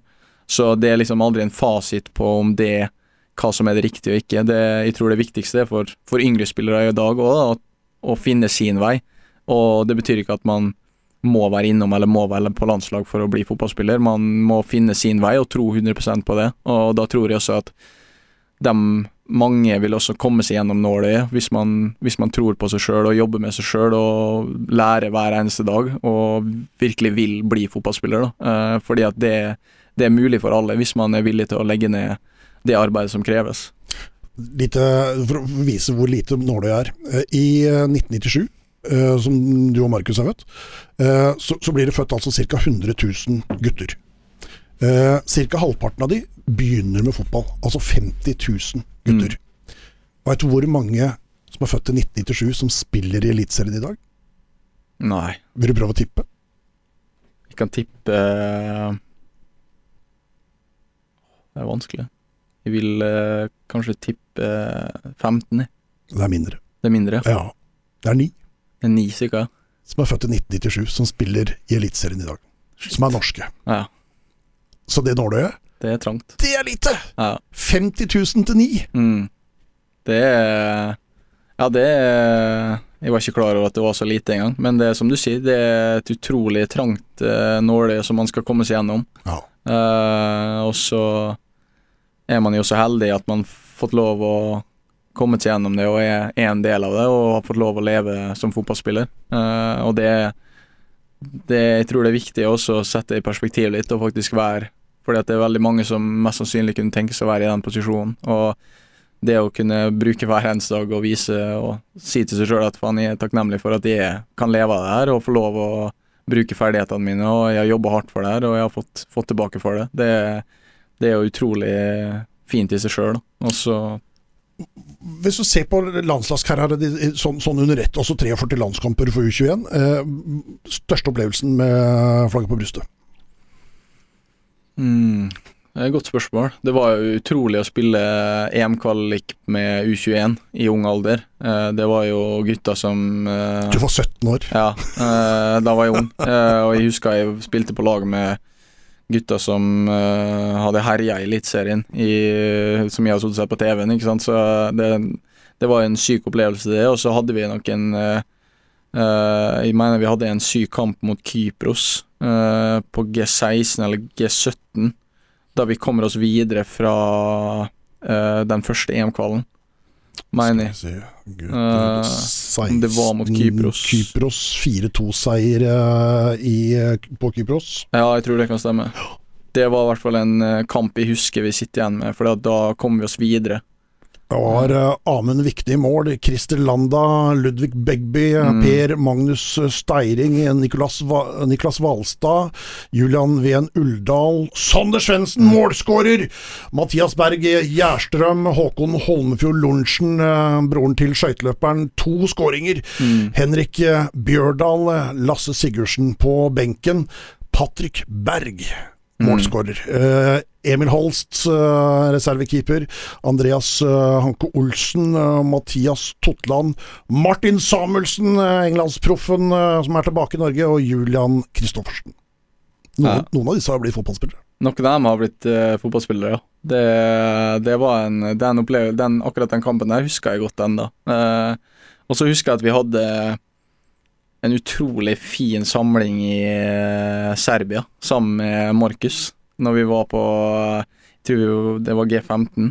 Eh, da var vi i Serbia og spilte dobbeltlandskamper der, og bodde på treningsanlegget til det serbiske landslaget, som var så sykt stort og enormt for to sånne hobbiter som jeg og Markus var da òg.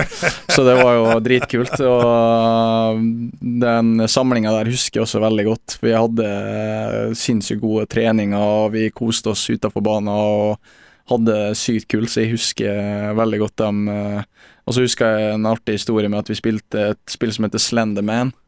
Det var et sånt spill der du eh, skulle på PC-en der du skulle gå og samle lapper i en mørk skog. eh, Sånn, og da måtte du passe, fordi det var en sånn stor mann som kunne komme og ta det. Og Grusom film for øvrig! ja, grusom, og det spillet var jo helt forferdelig, så vi slo jo av alle lys, lukka igjen gardinene, og så skulle Markus sitte og spille det her første gangen, da. Og det, det er ikke Jeg tror jeg aldri kommer til å se Markus så redd som han var de minuttene han satt og, og prøvde å finne seg lappene inni der. Det var, så hadde vi jo full musikk med høyttalere og sånn, sånn at det ble enda mer intenst, da. Så det husker jeg sinnssykt godt fra den samlinga, for da var det Livredd i Serbia. Ja, rett og slett. Det var jo alle som spilte det spillet her, så det var, det var artig. Ja, fantastisk. Eh, har du spilt din siste landskamp? Jeg håper ikke det. De har jo en eh, drøm selvfølgelig eh, at jeg har lyst til å spille på A-landslaget. Det er jo, eh, som alle norske fotballspillere, så er det jo en drøm å få lov å representere landet sitt og ha flagget på brystet. Så det er en drøm jeg selvfølgelig har, men som jeg ikke stresser med. Det handler for meg om å utvikle meg hver dag og ta de stegene og bruke de treningene og kampene jeg har, til det riktige. Og så vil sånne ting kanskje i fremtida komme som et resultat av det. Var det moro? Vært veldig moro. Ja. Mm. Ja, det hadde vært veldig morsomt. Sander, vi skal eh, hoppe til eh, Twitter. Vi, får, vi har fått inn litt spørsmål eh, til deg. Eh, fra Ja, det har kommet igjen her. Mathias Fredriksen, som jeg har krangla mye med. er fin gutt, sa han. Eh, Mathias, altså. Men eh, hva tenker Sander om å slå tilbake mot påstanden om at han ikke eier sluttprodukt som ble fremmet før sesongen? Nei, det er jo deilig å Takk få lov å. Selvfølgelig deilig å få lov å svare på tiltale, uh, men uh, uh, det er jo fakta òg. Det var jo fakta. Jeg hadde jo Jeg har jo nesten ikke levert målpoeng i Odd-drakta. Første oppholdet mitt, så så Bare hockeyassister. Bare hockeyassister, og første, andre oppholdet så var det vel ett mål på og en assist eller noe sånt, så jeg forstår jo også at det har vært snakkerier om det. Eh, man vil ha kanter som leverer målpoeng, og man vil ha kanter som skårer mål. Eh, så jeg tar meg ikke nær av at uh, verken du eller Gamle andre gubber, gamle gretne gubber sitter på! Nei, overhodet ikke. Men altså at andre folk mener det, det er Statistikken viser det, og da er det, da er det helt fair. Mm. Og så har jeg heller fokus på de tinga som jeg vet jeg kan påvirke, og det er de tinga som skjer ute på banen i treningshverdagen og i fotballhverdagen. Og så lenge jeg jobber med dem eh, og har fokus på de tinga, så vet jeg også at på et eller annet tidspunkt så skal nok måla og alt annet begynne å renne inn òg. Så det er så lenge man har tro på det og ikke bruker så mye tid på alt det andre, så tror jeg at eh, ting skal jevnes ut etter hvert. Så kan jeg si til både Mathias Fredriksen og Fredrik Holmer at eh, vi er gode venner, vi nå, Sander, er vi ikke det? Jo. absolutt. Ja, så mm, dere hadde rett, jeg tok feil. Marius Haaland eh, sender inn et spørsmål her. Han er Odd-supporter bosatt i Molde. Nordbyen står i parentes, jeg vet ikke det, om det betyr noe for deg? Det er mitt område. Det er ditt område. er mitt område, ja. Ok. Han skriver her Skal du hjem til jul, og fikser du en signatur på drakta mi? Det må vi jo absolutt fikse. Jeg regner med at de får lov å komme hjem til familien og feire jul, så det er selvfølgelig noe vi skal få til å fikse. Så hvis en eh, bare plinger på Instagram eller noe sånt, så skal vi 100% få til det. Herlig. Da fikk du det, Marius. Han skriver også her sånn Hvor viktig mener du det blir framover å prøve å unngå utlån, og heller spille fast i en klubb? Ja, altså Jeg vil være en plass der jeg har tillit, og der jeg vet at de får lov å spille fotball. Eh, jeg har kjent veldig på den tilliten her i Odd eh, det året her og tidligere var her, og har trivdes veldig, og trives veldig godt her. Eh, så det blir viktig for meg å finne meg en plass, og være en plass der jeg absolutt føler at jeg er en del av noe, får lov å utvikle meg, får lov å spille fotball og får lov å være meg sjøl. Så det, det blir viktig å, å være en plass, om det så er under kontrakt med Odense eh, fra nyttår av, og hva som skjer etter det, er umulig å si. Så det får jeg på en måte ta når den tida kommer, og nå står alt eh, fokus i mitt hode på, på å vinne fotballkamper sammen med Odd og ha en god høst foran oss. Der fikk du den, eh, Marius. Eh, Ole Jørgen S. Abrahamsen skriver her. Hvor får du kjøpt Jerba, Jerba Mate, Jerba Mates Mate i Skien? Hilsen en som er snart tom på, tom for lager, tom på lager. En med snart tomt lager. Hva er Jerba Mate? Det er en uh, søramerikansk te som jeg har drukket ganske mange år nå, Okay. med sånn sugerør og kopp. Okay. Uh, jeg begynte egentlig å drikke når jeg var i um, når jeg, flyttet, eller når jeg var i Stockholm, fordi at jeg var ikke helt fan av følelsen av kaffe. Så jeg fikk anbefalt det å prøve ut den teen, eh, og første gangen jeg drakk den, og så var jeg solgt. Så da den har på en måte blitt et fast invitar i Uansett hvor jeg drar, så er den eh, koppen med det sugerøret med. Eh, Så det er som en grønn te, bare gir litt samme effekt som det kaffe gjør, og er veldig godt. Så det jeg gjør, er at jeg kjøper det Jeg har et um, Jeg er sponsa av et svensk merke uh, som jeg eh, får te av, og så kjøper jeg også noen ganger fra jerbamate.no sin nettside. Uh, det er da norsk nettside som importerer det her fra Sør-Amerika, altså så man kan har masse forskjellig te. da. Da fikk du greie på det, Ole Jørgen, hvor du kan få tak i den hvis det snart er tomt på ditt eget lager. Jakob Hansen skriver her, hvordan var oppholdet i Brann i forhold til i Odd? Um, det var to forskjellige situasjoner. Uh, det var jo på en måte en stor opplevelse å få være en del av Brann. Uh, Brann er jo en stor klubb, har en stor historie. Og det samme har jo Odd òg. har en stor, altså en stor historie. Og det har jo på en måte vært Altså, alle fotballklubber er egentlig veldig like. Det er De drives likt. Det er selvfølgelig forskjell på formasjoner og trenere og hvordan man Men mekanismene i et fotballiv og i fotballklubber er veldig like. eh, og jeg hadde en veldig god tid i Brann, og selv om det var en utfordrende periode eh, med, der vi kjempa om å ikke rykke ned. eh, og så har jeg hatt her igjen, som jeg har sagt hundre ganger nå, at jeg har det fantastisk her òg. Og det har vært to forskjellige historier som er på en måte umulig å sammenligne, fordi at det er to forskjellige historier i mine liv eh, som jeg igjen sitter igjen med veldig mye av. da.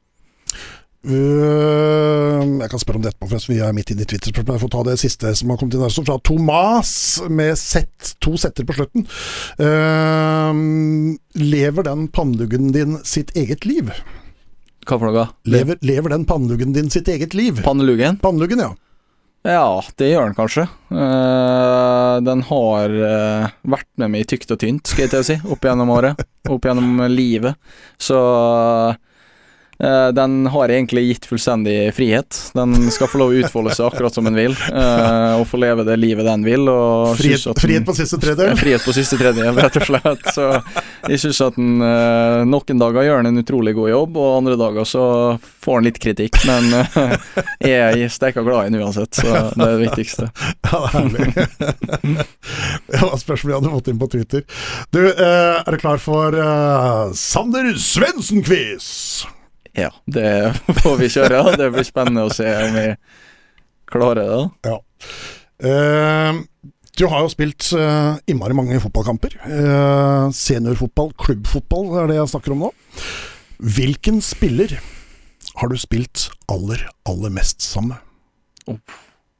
Det er et godt spørsmål. Mhm. Shit, det hadde jeg aldri tenkt over før. Hvem har jeg spilt mest sammen med? Det er en som står virkelig ut her også, som har spilt eh, aller, aller både flest kamper sammen med, og absolutt flest minutter med også. Nesten 800 flere minutter enn nummer to på lista. Det er såpass, ja. Så det er noe i mitt hode som ville gjetta på Eirik Hestad. Ja, han er på femteplass. Han er på femteplass, han, ja. Mhm. Så det er ikke så gærent, eh, tippa. Ville kan Det er nok en spiller som du kanskje har spilt med i to forskjellige klubber. Det er så mange navn, vet du, og mange er ansikter, ja, man blir, eh, så man blir helt sånn Så begynner er man å tenke Nei, jeg, jeg tror ikke jeg klarer den, jeg. Nei, 73 kamper har du spilt sammen med han. 4001 minutt. Midtstopper. Vegard Forhen. Ja, Det er det. det er korrekt. Ja, det er det, ja. 100 riktig. Sjukt. Vegard Forhen. Uh, og det er ganske klart også, han har spilt aller, aller flest mot. Uh, Jonah Toivio på andre. Ruben Gabrielsen på tredjeplass. Harmet Singh fjerde, og så var det som du sa, Erik Hestad på, på femte. Ja. Uh, så Vegard Forhen, aller, aller flest kamper sammen med. uh, og så kommer kanskje uh, det er slemt spørsmål, og vanskelig spørsmål. Mm. Eh, men eh, hvilken spiller har du spilt aller flest kamper mot? Oh. Det er et godt spørsmål. Ja. Det er fire stykker som har like mange kamper, men eh, antall minutter er det som teller aller mest her. sånn. Har du, han har nok, du har nok møtt han både i um, både Start og i Viking, tipper jeg. Det er ikke en Vikstøl? Det er det vel? Det er det, ja. Det er det vel? På første, altså! På første! Rolf Daniel Vikstøl! Det er det, ja. Ja, ja, ja. Men det sjukeste er at de har eh, Det var det første som kom opp i huet mitt da når du spurte der. Ja, var det? Ja, for at jeg, jeg føler at han har vært på mange fotballkamper der jeg har vært. Mm. Så jeg føler jeg har sett eh, ansiktet hans mange eh, kamper. Det er helt riktig. Ja. Rolf Daniel Vikstøl aller, aller flest kamper mot. Du har spilt mot den åtte ganger, 534 minutter. Eh, Andreplass Kristoffer Haugen. Mm. Iven Austbø tredje. Erling Knutson på fjerde. Og Kristoffer Tokstad på en femteplass. Ja. Det er de du har spilt mot flest ganger. Alle har du spilt mot de åtte ganger. Solid statistikk å få her, da. Det får lære mye om uh... Eh, skal vi til noe kjempegøy. Eh, det, er den aller største seieren du har opplevd som, eh, lite, eller som eh, seniorspiller? Uansett om det er til Norge eller eh, Danmark eller Sverige eller hvor som helst. Shit, det er et godt spørsmål. I seriespill. I seriespill. I seriespill. For du har vært på, på noen svære cupseiere, men eh, det er liksom Ja. eh, I mot. Surnadal og sånt noe. Ja, selvfølgelig. Ja. Det er den første runden i cupen. Ja. Um, det er et utrolig godt spørsmål. Går gjennom alle arkivene nå i huet, så man må på en måte bare åpne hver skuffe her. Du må tilbake til 2015. Jeg Ja, jeg må Nei, jeg husker ikke, altså. Dessverre. 6-1 mot Mot Start? Sandefjord. Sandefjord. Sandefjord. To assister i kampen, for øvrig. Stemmer det? Yes, det stemmer nå. Nå husker jeg. Det er det største, den største seieren. Eh, Den nest største, det er vel kanskje noe som gleder aller, aller mest. Det er 5-0-seieren over uh, ÅFK. Over AFK, ja. Ja. Det er ja. Jævla Ålesund. er det ikke det de sier på, på heimebane? Jo, det er kanskje Jævla Jeg har noen kompiser i Ålesund, så jeg skal passe med Så det er de to aller største seirene du har vært med på i seriespill. I cupspill så er det denne 9-0-seieren mot uh, Surnadal i eh, første runde i cupen i 2014. Eh, da skåret du hat trick. Og så er det største i Europa. Har du kontroll på det? Ja? Nei, det Er mot et lag fra Jerevan, altså. Ja, det Nei, jeg har ikke 5-0-seier over uh, Pjonik Jerevan uh, tilbake i 2015. Ja. Så resultatene syns jeg ikke du var så god på. Nei, det var, jeg der var du god. Ja, spillerne tok i, men uh, ikke så god på å resultatene. Så kommer vi til noe kanskje som ikke er så kjempegøy for deg, men uh, hva er det aller største tapet du har vært med å oppleve som i seriespill? Mm, vi tapte 6-1 mot Silkeborg en gang, i for Odense. Ja, Uh, den er der. den er, Men det er, ikke, det er ikke den som står aller øverst. Men det er for, kanskje fordi dere ikke skåret i mål i den kampen. At det, var, eh, det er derfor. Nei, Det er ikke så lenge siden, altså. er det, er det Molde? Ja. Ja, det er det. ja. 5-0-tap for, 5-0 for Molde, Molde. På Aker stadion. Fryktelig kamp for øvrig. Ja, Det kan man skrive under på. 0-3 etter halvtimen. ja, altså. det var en uh, tung, uh, tung opplevelse. Alt gikk jo inn for deres del, og vi uh, klarte ikke å sette våre sjanser heller. Vi hadde jo noen, jeg hadde jo en stor en der. Hadde noen fantastiske sjanser også, hadde, egentlig. hadde det, så det kunne fort vært 3-3 til pause, liksom. Ja. Det visste Så Og vi hadde, fikk jo litt trua, faktisk, inn mot pause. I og med at den var så god, og den da. Og så bang igjen. ja, så kom han igjen med en gang. Så nei, det var en eh, brutal eh, et brutalt resultat, rett og slett. Og ja, det, er, det er første gang jeg har opplevd i historien at uh, en oddrenner legger om formasjonen i midt i andre omgang, bare for å stoppe. Nå er Ja, det nok. det blir for mye. Nå må vi bare tett igjen. Nå, nå må vi stoppe. Ja, det var jo helt vilt en periode. Det var jo som at alt Så lenge med en gang ballen var inne i 16-meteren, så var det jo livsfarlig eller scoring. Så det var jo Ja, det var en brutal opplevelse. Det var Alt gikk inn, og dem Det blei ble en del mål imot. Det var forferdelig. Ja, rett og slett. Ja. Du, eh, før vi gir oss, eh, Sander, så må vi prate litt om litt ting som jeg har fått eh, snappet opp av eh, litt eh, venner og bekjent og sånt noe av deg, som jeg gjerne skulle hatt litt mer rundt. Eh, Nå er jeg spent. har du noe, har du noe um, spesielt du må gjøre før kamp og trening, f.eks.? Mm, nei, egentlig ikke så jeg kommer på her nå. Jeg føler vel egentlig at jeg må egentlig tøye, da. Mm. Det er kanskje det jeg føler at jeg må tøye kroppen min før, uh, før kamp, men uten noe trening. Men før det så Det er ikke noe du må drikke før kamp, eller? Jo, må ha teen min, da. Ja. Ja, teen min er jo fast, men den Skåringste blir det kalt. Skåring. ja, det, har blitt litt uh, snakk om teen siste tida, men uh, den teen er jo med meg hver eneste dag, og så den uh, Den er jo et must for å komme seg gjennom dagen, typ, så uh, og så har jeg fått Han har mye stæsj, mye ting han må gjennom før trening og kamp. Uh, hva funker best til restitusjon? Er det spørsmålet jeg har blitt bedt om å spørre deg. Hva som funker best? Ja, til restitusjon. Nei, det er jo Det tenker jeg jo at hver enkelt person må finne, finne Ja, men for ut. deg For meg så funker det med Nei, Da må jeg jo gjennom et uh, helsikeste kjør, da. Det Ja. er jo uh, alt av duppeditter som uh, skal på kropp, og så skal det ned i isbad, og så skal det Så det er en, uh, en rytme som skal følges der. Massasjepistol?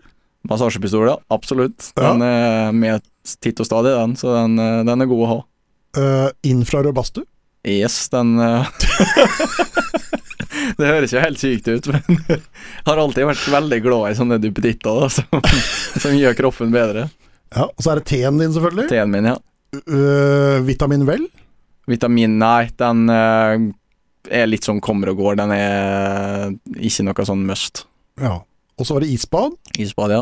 og så videre og så videre. Han har alt! Er det som står her sånn. Er, er, er det noen andre ting? Eh, ja, det er noe litt sånn småtteri, men uh, det er ikke noe sånn Dem der er det viktigste. Uh, det er jo sånn triggerpunktballer og sånn massasjegreier og småtteri. Men jeg har jo alltid vært en sinnssykt enkel å selge ting på. Så sier du at det der er bra for kroppen din, så sier jeg yes, da kjøper jeg det. Ja. Så Sander, foretrekker du det sympatiske eller det parasympatiske nervesystemet? Åh, et godt spørsmål. Eh, foretrekker vel egentlig en blanding av begge deler. Men hva er det for noe? Nei, det er jo Skal vi gå inn i Nei, altså det ene systemet er jo på en måte det som setter i gang uh, go-en i det, kjøret i det, og så har du det andre parasympatiske som er, tror jeg da, hvis jeg har Nå kan dem som kan det her bedre enn meg, da. De jeg stoler 100% på deg, Ja, jeg- jeg jeg, du må ikke stole 100% på meg, men det jeg tror, da, det er at det parasympatiske er det som er det mm, rolige, behagelige delen av nervesystemet ditt da, når du er slappa av og er i ro. Og så har du det andre som på en måte er det som kjører i gang når du trener, eller når du gjør ting, eller når du på en måte har den go-en i kroppen din. da. Så det kroppen din kan variere mellom de to uh, nervesystem, måtene nervesystemet drives på. Det er i hvert fall sånn som jeg har skjønt det. Men dette sitter dere og diskuterer i garderoben? Ja, det er jo Jeg syns jo alltid det har vært veldig fascinerende med det som skjer inni kroppen.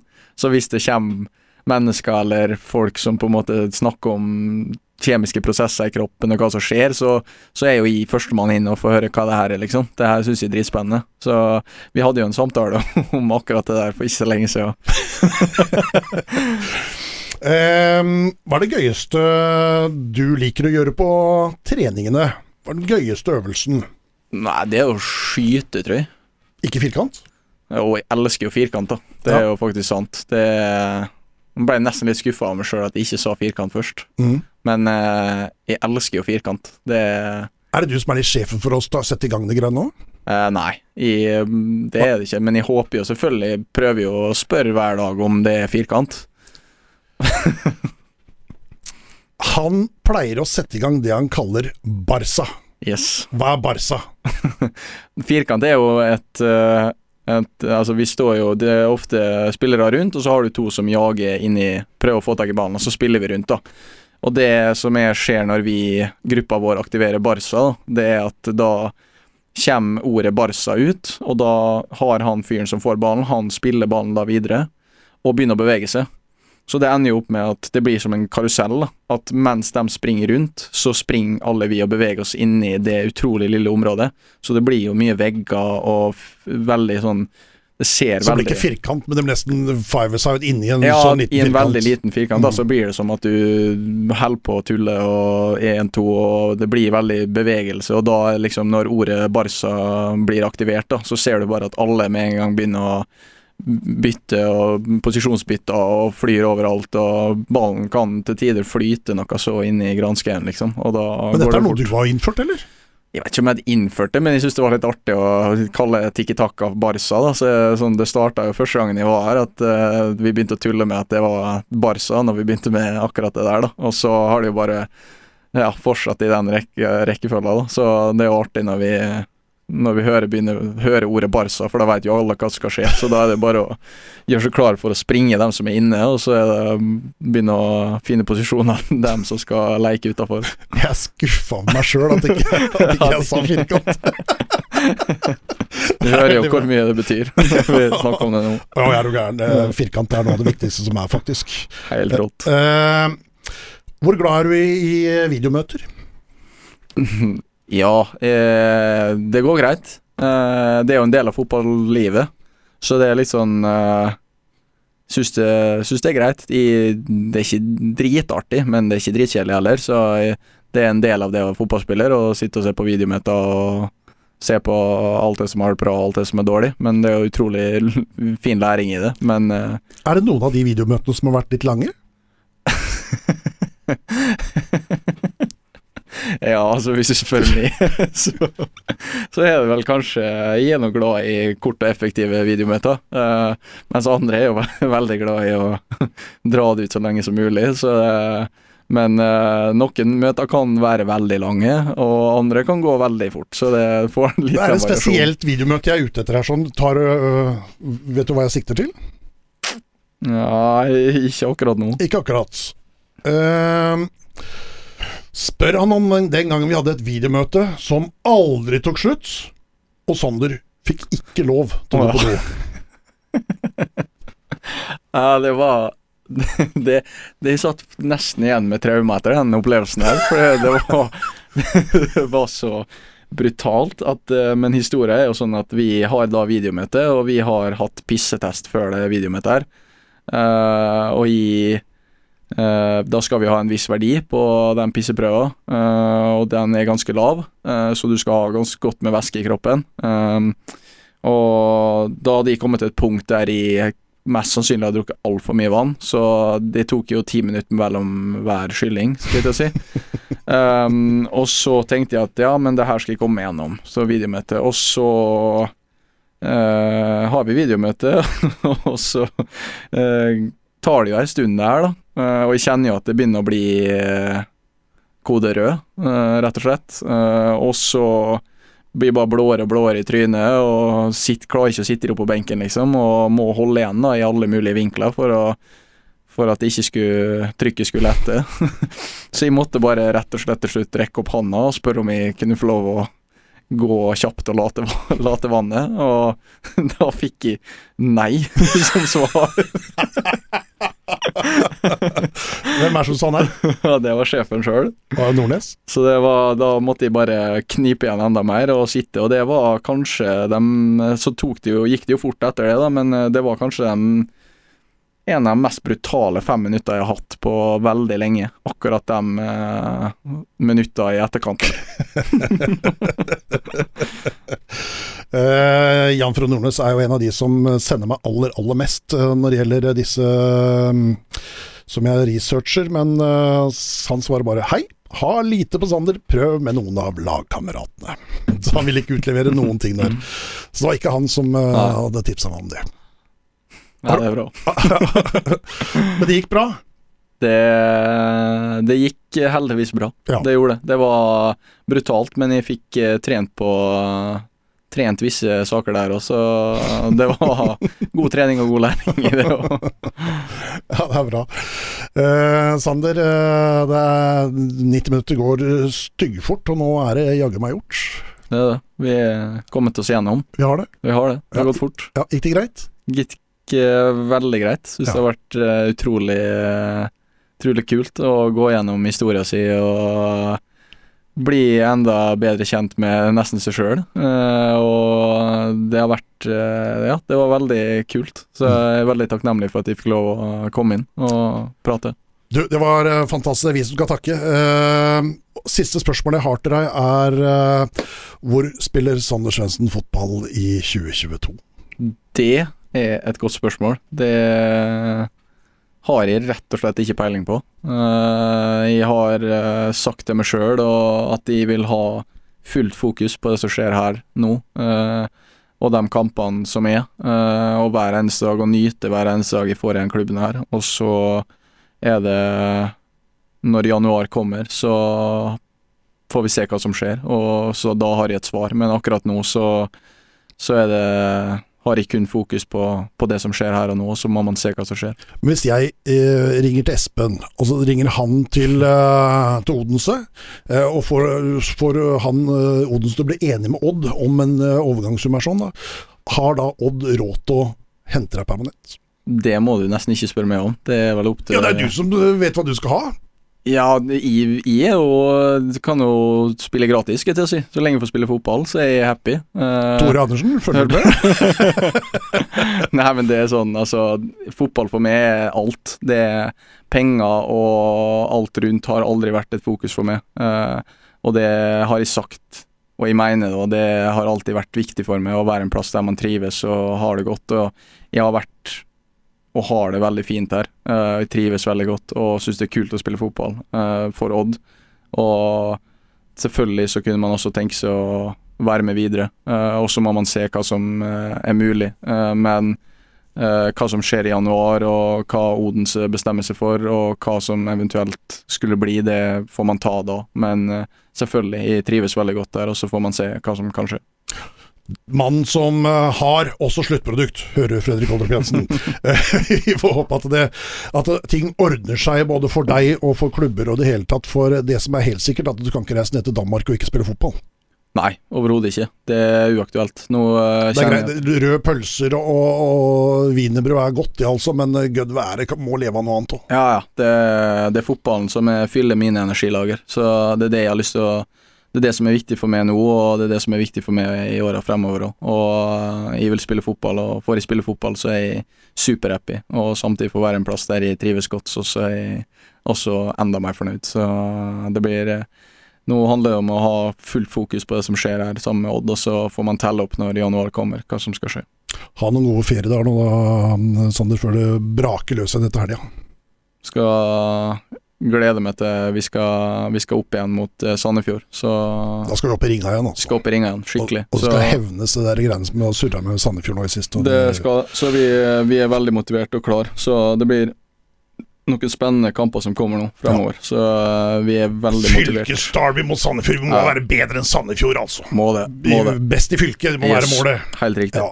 Takk for at du stilte, Sander. Eh, Vi er tilbake igjen allerede til helga. Da kommer vi med en spesialepisode hvor eh, vi skal ha en av kanskje Telemarks største Arsenal-supportere innom i studio. Tilfeldigvis er han også sjef for Grenland Taxi.